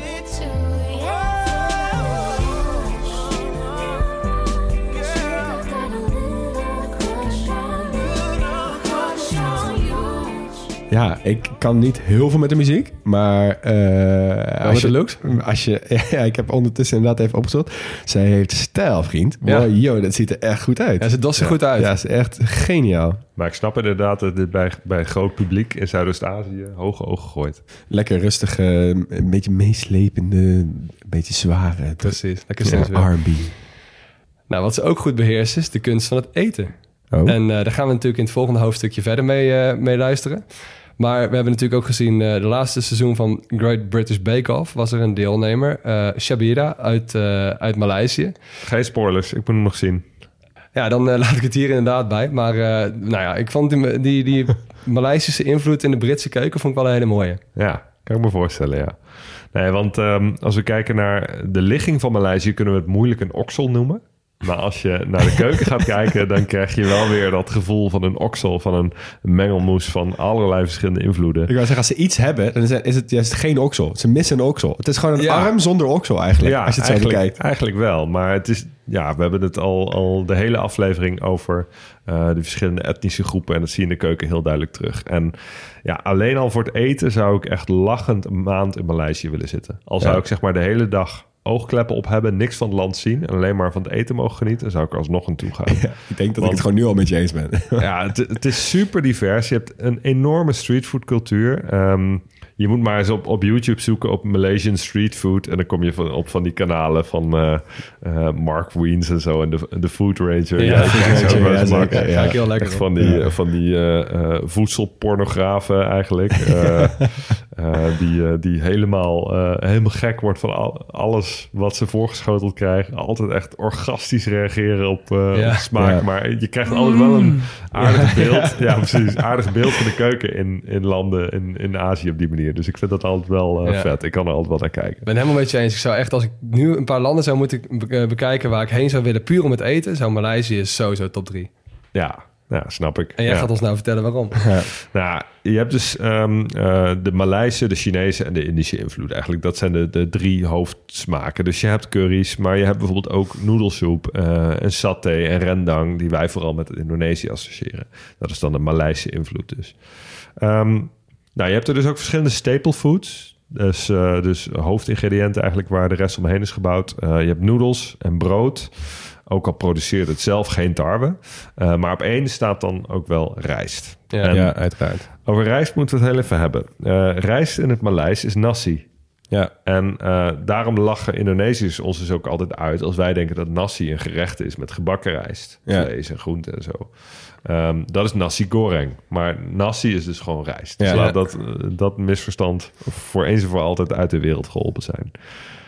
Nou, en bij die staple foods hebben ze ehm, eh, allemaal ja, heerlijke, kruidige gerechten. eh, behoorlijk pittig ook. Wordt veel gebruik gemaakt van sambal. Veel verschillende soorten vlees en ook heel veel vis. Dus natuurlijk, de zee is nooit ver weg. Dus, eh, dus, dus ook dat heb je veel. Ehm, veel verschillende groenten. Ook aan fruit is geen gebrek. Ehm, bananen groeien er, worden veel gegeten. Banaan in het Maleis is trouwens pisang. ja.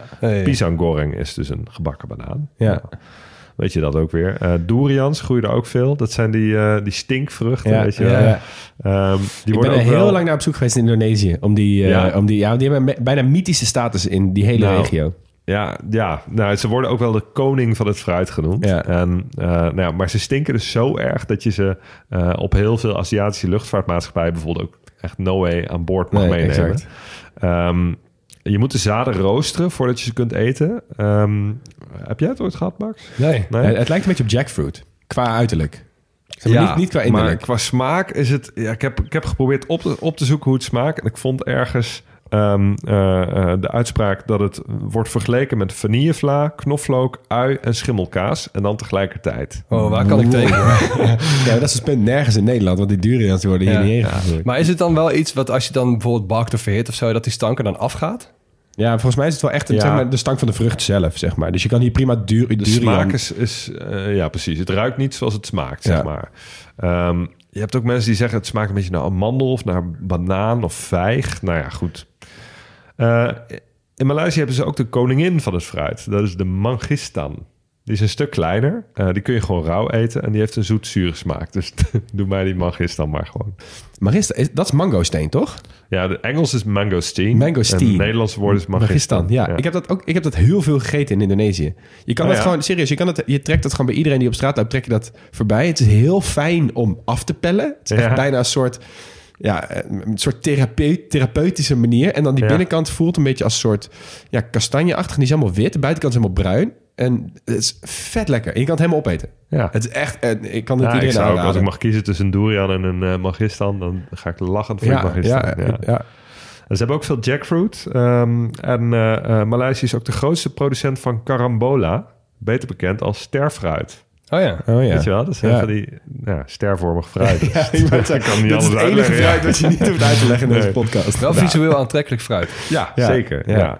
Nou, super gevarieerd. Dus je moet voor de grap maar eens de Engelstalige Wikipedia-pagina van de Malaysian cuisine eh, bekijken. Die is langer dan de pagina over het land Maleisië. Ja? De Engelstalige Wikipedia. Ja, het is echt enorm. Ehm, dus het maakt ook heel lastig om er één gerecht uit eh, te pikken. Maar ik ga het toch doen, want eh, nasi lemak wordt vaak als nationaal gerecht gepresenteerd. Nou, we weten inmiddels dat bestaat uit rijst, maar in dit geval is die rijst gekookt in kokosmelk. En er zijn heel veel verschillende varianten, maar de meest traditionele is met sambal, anchovies, pinda, gekookt ei en dan geserveerd op een bananenblad. nee, heb er nee, nu al zin in, jongen. En dan tot slot nog een drankje. Ze drinken veel thee. En eh, eh, de, de nationale thee eigenlijk in Maleisië is thee tarik. Ehm, bestaat uit zwarte thee met eh, gecondenseerde melk. En het betekent letterlijk pulled tea. Ja, ik wil net zeggen, want Tarik zie je in Indonesië op alle deuren staan. Ja. Als in trekken aan de deur, push-pull, weet je wel? ja. Ja, nou, dat betekent dus ook getrokken thee. En ehm, het heeft te maken met de methode van bereiden. Ze schenken de thee telkens over van het ene kannetje in het andere. En dan met een gigantische afstand, dus van een grote hoogte. Oh, ja, Dus ja, tot ja, kunst verheven. Ehm, zodat de melk en de thee goed mixen. En op die, op die manier ontstaat er een schuimkracht. Dus je, je trekt eigenlijk de, de, thee. Oh, Ja, wat grappig. Dat is een beetje hoe het eruit ziet. Vind ik leuk. Alsof je eh, noedels aan het eh, trekken bent. zeg Ja, maar. ja, ja, Maar dan met thee. Leuk, leuk. Ja. Ja, maar, maar één ding waar je nu nog niet over hebt gehad, waar eh, misschien is het ook wel heel lastig om dat nu aan te kaarten, is eigenlijk die, die hele ruzie die zij altijd hebben met hun buurlanden rondom eten. Er zijn zoveel geopolitieke kwesties die worden beslecht. We hebben het gezien met de Jollof Wars, Ja, over Jollof ja. Rice. En, en tussen Maleisië en Indonesië gaat het over, Ja. gaat het over Bosnië, de, de Balkan dat- is denk ik gewoon één grote voedsel, eh, Ja, voedselstrijd ja, inderdaad. Maar dat klopt, dat heb je eh, vooral tussen Maleisië, Indonesië en Brunei. Want Ja. dat zijn Oh ja, eh, alle Brunei, drie ja. eh, landen die, die eh, in de ja, vooral Maleise bevol, bevolkingen hebben. Ja, dus ja, dus dat, ja, dat- precies. daar niet zitten heel veel ja. overeenkomsten tussen. Ja. Dat is echt wel leuk om een keer een over te doen. Over dit soort. Wij hebben het natuurlijk altijd over de stadsderbies, bijvoorbeeld Ja, met voetbal. maar je hebt ook landen soort Ja. rivaliteiten rondom eten. Ja, want bij Maleisië dacht ik Klopt. meteen aan Laksa. Ja, Maar ik heb dat gegoogeld en dan dat heb je is weer ook- Indonesië, Singapore, Maleisië. Ja, Ja, Laksa heeft inderdaad ook weer een, een beetje... eh, komt, heeft ook weer een Chinese invloed. Ja. Dus dat komt een beetje uit die kant van Maleisië, zeg Ja. maar. Ja. Wat een, wat een- een land, hè? Ja, joh, interessant. Nou goed, jongens, dan neem ik jullie meteen even mee naar de sportsectie. Eh sportsectie is eigenlijk vrij makkelijk. Ehm, kom maar, medailles. Eh, Een paar. Ja, ik Een denk paar is goed. de schietsport 2 of zo. In de schietsport is niet goed. Oh, jammer. Nee, zij zijn eh, heel goed in badminton. Ja, Ja, serieus? lekker. Oh. Ja, ze hebben in totaal hebben ze, ze hebben nog geen goud gewonnen, maar ze hebben acht zilver en vijf brons, waarvan zes zilver in badminton. Door het Chinese deel van de bevolking? Dat, ik, dat, dat durf ik niet te zeggen, maar ik denk, denk wel Ik dat denk daar niet door een het hele sterke deel van de bevolking ik denk dat daar een hele sterke Ah, ze zijn een beetje zit. Nederlands zelf dan, weet je. Wacht al heel lang een keer op een gouden medaille. Ja, ja, precies. Auw, deze wond is nog veel te vers. Maar, ehm, maar ze zijn best wel goed, want van de, eh, ze hebben 13 medailles in totaal dus. En daarvan zijn er 9 van de laatste drie Olympische Spelen en 7 van de laatste twee. Dus die gouden medaille die zit er echt wel aan te komen hoor. Voor Maleisië, ergens in de komende tijd. In de lift. Heel Eh, waar ze het dus ook heel goed doen, is de Paralympics. Paralympics hebben ze dus al zes gouden medailles en in totaal 16 medailles. Jo. Dus Paralympics zijn ze wel echt, eh, echt heel goed. Ehm, eh, wat verder heel populair is, naast natuurlijk voetbal en badminton, zoals we net zeiden, is hun nationale sport. En we hebben hem al een keer besproken. Ik vraag me af of jullie hem nog weten. Kabaddi. Nee, nee, nee. Ja, In Laos hadden we hem. Ja, klopt, het heet ja. sepak takraw. Oh, is dat een gare eh, voetvolley? Ja, dat is soort, inderdaad een soort eh, volleybal op een volleybalveld met een balletje waar je, je mag met alles de bal raken, behalve met je handen. Dus waar al die lui echt van die capriolen uit Ja, halen precies. om zeg maar eh, op de meest bizarre manier die bal naar de overkant te trappen en te koppen. Van die mensen die omhaal doen terwijl ze staan en zo. Ja, echt. En, en mensen hebben een, een, een bereik met hun benen dat het ene been op de grond staat en die andere boven hun hoofd. Weet je wel, dat je denkt, hoe, dan? Hij heeft wel een mooi eh, plaatje op, op de socials. Hele mooie plaatjes. Maar, ik ga jullie meenemen, jongens. Komt er een niche. Ik heb iets leuks gevonden. Traploopwedstrijden. Jazeker. Op de Petronas Towers, of niet? Nou, eh traploopwedstrijden. Zij, kun, je, kun je een, in- een, een inschatting maken wat het, wat het is? Nee, ik heb geen idee. Vertel me. Zij hebben sinds dit jaar de nummer 1 van de wereld, Waiching. Ehm, maar wat traplopen precies is, dat eh, laat ik hem even lekker zelf uitleggen. Hi everyone, my name is Wai Ching. I'm from Malaysia. I'm currently number one in the world for tower running sport. So tower running sport is a competitive racing sport that requires the tower runner to run up the stairs of the skyscraper in the shortest time possible. So the runner with the uh, who use the shortest time to run up the building to the finishing line will be declared as the winner. So the comp- competition about this sport is that uh, most of the time the runner will being fly off individually with a time gap of maybe five seconds, ten seconds, or even up to a minute, depends on the level of the field. So the runner have to use the shortest time, and the I mean the winner based on the chip time of the participant. So uh, the craziest tower that I've ever run is the Shanghai Tower, which uh, got contains uh, 3,398 steps. That it's about 170 floor, and that staircase is very challenging because of the inconsistent number of steps from floor to floor. And my biggest win so far is the Empire State Building run up in New York City. United States. So I have won twice of it uh, back to back from from 2021 to 2022, and I'm the first Asian to win it since 1978 when they first started it. Thank you. Holy shit. Ja. Je hebt gewoon de, de wereldkampioen traplopen eh, eh, gevraagd... wil je even een audioberichtje inspreken voor onze podcast? Zeker. Dat is Waiching. Waanzin- ik, ben, ik, ben gewoon, ik, ben, ik ben zo gelukkig nu. Hij is echt mega lief, mega vriendelijk. Ik heb hem gewoon een bericht gestuurd op Insta. Ik zeg, luister, ik maak een podcast. Ja. Ehm, vertel me alsjeblieft wat je doet. Ja, hij zegt, ja, nou, traplopen is gewoon eigenlijk ja, zo snel mogelijk naar boven rennen. Over Maar- trappen, bij gebouwen. Ja. Maar hoe word je dit? Ja, ik snap, iedereen heeft wel toegang tot een trap, maar is dit dan ook je passie, zeg maar? Ja, ja, dat heb ik hem niet gevraagd, eerlijk gezegd. Maar is een goede vraag. Wat hij, zeg maar, ja, ik weet niet zo goed, maar wat ik me wel voor kan stellen, wat hij dus zegt in dat stuk, is dat de, de, de moeilijkste toren die hij ooit heeft eh, opgerend, is de Shanghai, Shanghai-toren.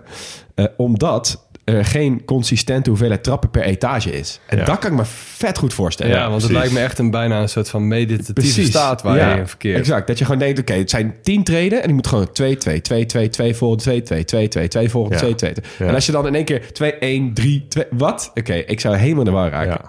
Ja. En ik vind het ook wel mooi dat hij vertelt over zijn mooiste overwinning. Die stond ook echt overal in het nieuws. Namelijk die Empire State Building oprennen. Het is een behoorlijk groot speler. Hij had ooit het Guinness World Record for Greatest Vertical Heights Stair Climbing. Oftewel hoe hoog je binnen een uur in eh, meters omhoog kan eh, komen, zeg maar. Dat is 1,3 kilometer. Maar dat is dus eh, twee jaar geleden gevestigd. En in ondertussen is dat record al vier keer verbroken.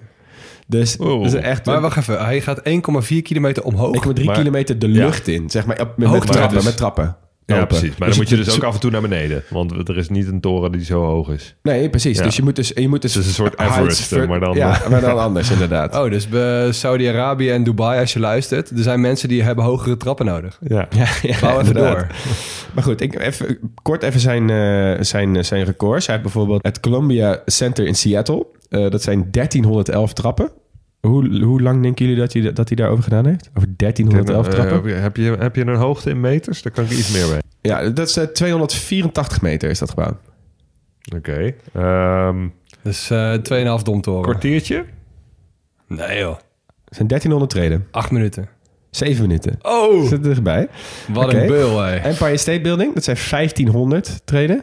1576 om precies te zijn. Hoe hoog is dat ding? Dat is 381 meter hoog. Nou, 10 minuutjes. Ja, maar je wordt dan ook moe, hè? Ik denk wel 12. Deze man wordt echt niet moe hoor. 10 minuten 44 seconden. Eh, en dan de laatste. Het One World Trade Center. 2226 trappen. Eh, 540 meter hoog is dat gebouw. Nou, dan ga ik nu wel voor een kwartier. 14 minuten. 12 minuten. Nee. Jezus. Fucking Hij bizar. doet het gewoon even om op stoon te komen. En dan gaat hij alleen maar harder. Ja, Wij deden het wel eens in het Van Unik gebouw, hè?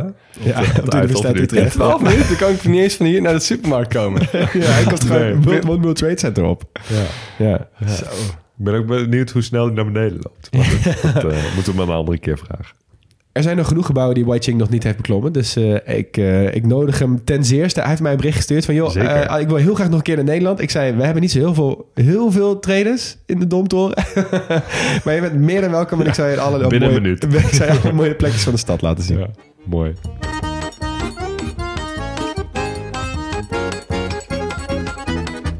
Nou jongens, wat, wat maakt Maleisië uniek? Ja, aanvankelijk dacht ik niet zo heel veel. Ik dacht gewoon een, een- een Zuidoost-Aziatisch land tussen Thailand en, en Ja. Indonesië. Ja. Hoe spannend kan het zijn? Maar Dacht precies die overgangszone, die blijkt juist zo spannend. Ja. Ja. Ehm, met, met zoveel verschillende etniciteiten die allemaal weer, eh, weer een stukje van de cultuur vormen. Ja, en eten en, eh, en eh, gebouwen en eh, geschiedenis en weet ik wat daar allemaal weer bij komt kijken. Ja. Ja, want ik weet nog, ik, eh, toen wij in, eh, Singa- of, eh, in Sri Lanka bezig waren... toen zag ik dat die, al die wereldreligies daar ook vertegenwoordigd zijn. Met best wel substantiële groepen. Toen dacht Ja. ik, wow, is dit dan het meest etnisch of religieus diverse land van de wereld? Ja. Dat werd Singapore. Maar Ja. ik had een beetje buiten Maleisië gerekend. Ja. Ja. En ehm, we- je moet natuurlijk een keer die overgang maken van echt Zuidoost-Azië... dat dat mensen denken dat Zuidoost-Azië is. Hè? Dus Thailand, Laos, Cambodja, Vietnam, die landen. Ja. En Indonesië. Ja. Maar daartussenin, inderdaad, daar gebeurt wel echt heel veel. Heel interessant Ja. ook. Ja. en ja. natuurlijk, daar gaan we nog ook even... We, we hebben het de hele aflevering ook al over West en Oost. ja. Die geografie, op zo'n grote schaal... twee van die delen die qua oppervlakte in ieder geval redelijk vergelijkbaar zijn... eh, maar die zo ver van elkaar af liggen... en gewoon in een hele andere ja, waar belevingswereld vind je dat liggen. nou? Ja, waar, Ja. waar vind je dat? Ja, en ik vind het dus ook heel vet dat je dus die, die Mahathir, waar we het heel lang over hebben gehad, dat er één publiek politiek figuur is geweest die de afgelopen, nou, 60 jaar zo'n stempel heeft gedrukt op dat land. Die gewoon echt bijna eigenhandig die twee torens uit de grond heeft getrokken en het vliegveld heeft opgebouwd en een Ja. nieuwe hoofdstad heeft gebouwd. Eh, en, en nu weer die opvolging met de Maleisische Mandela. Ja, ik ga dat wel even in de gaten houden, eerlijk. Als ik dus nu iets zie over, eh, in de krant over Maleisië, dan heb ik in ieder geval wel dat ik denk, oké, wauw, jullie hebben wel echt een bizarre politieke geschiedenis gehad. Ook. Ja, ja, ja, zeker. Ja, Maar goed, en eh, als we er zijn, waar gaan we heen? ja ik, eh, heel makkelijk antwoord. Ik ga in Kuala Lumpur zitten en ik ga de hele dag eten. Ja, Ja, ik ben echt verscheurd door deze vraag. Want ik wilde ik precies met jou meegaan, Huug. Ik, dit lijkt me echt fantastisch in Kuala Lumpur. Ik vind het sowieso vet om in die grote steden bij te zijn... waar al die culturen samenkomen. Dat vind ik echt een van de allermooiste plekken ter wereld. Maar die orang-oetang, jongens. Ik moet dat gewoon een keer in mijn leven gezien Hebben ze hebben. niet ook een orang-oetang in Brunei? Want is daar moet je ook nog een keer wel, een maar- dag wat doen, hè? Brunei weet ik niet. Maar ja, dan wil ik heel graag de Banda Bego aan. Dus dan weet ik het ook niet meer. nee. Jij, Max? ja ik, ik ga hem eh, verdelen tussen, tussen oud en nieuw. Ik ga 's ochtends naar Malakka. Want ja, oude koloniale geschiedenis. En dan ga ik ook even schepen kijken. Al die schepen die daar elke minuut eh, langskomen drijven. Ja. Eh, en dan Ja. ga ik smiddags ga ik naar Cyberjaya. Dan ga ik de nieuwe ja. wereld bekijken. En dan oké. kijken wat ze daar voor toekomstige plannen hebben. En eh, wat het voor mooie IT-stad aan het worden is. Stuur even wat fotootjes dan door. En onderweg ga ik mijn buikje rondeten. Goeie. Hey, we zijn weer heel dik door de tijd heen, dus we moeten helaas gaan, eh, gaan afsluiten. Eh, bedankt voor het luisteren naar dit hoofdstuk van de Grote Podcastlas. En wij zijn Leon Boelens, Max Schertsen en Hugo Noordman. En Jonas van Impen doet de eindmontage. We zijn nooit volledig, maar wel origineel. Geen experts, wel liefhebbers. Als we iets verkeerd gezegd hebben of iets cruciaals zijn vergeten, dan moet je het even laten weten. Via de socials of via info.grotepodcastlast.nl of kijk even op de website www.grotepodcastlast.nl Volgende week gaan we iets bijzonders doen, want het is kerst en eh, eh, net als vorig jaar doen we dan even net wat anders dan anders. En we gaan twee wereldsteden behandelen. En de eerste daarvan is volgende week New York. Selamat tinggal. Zoveel zin in.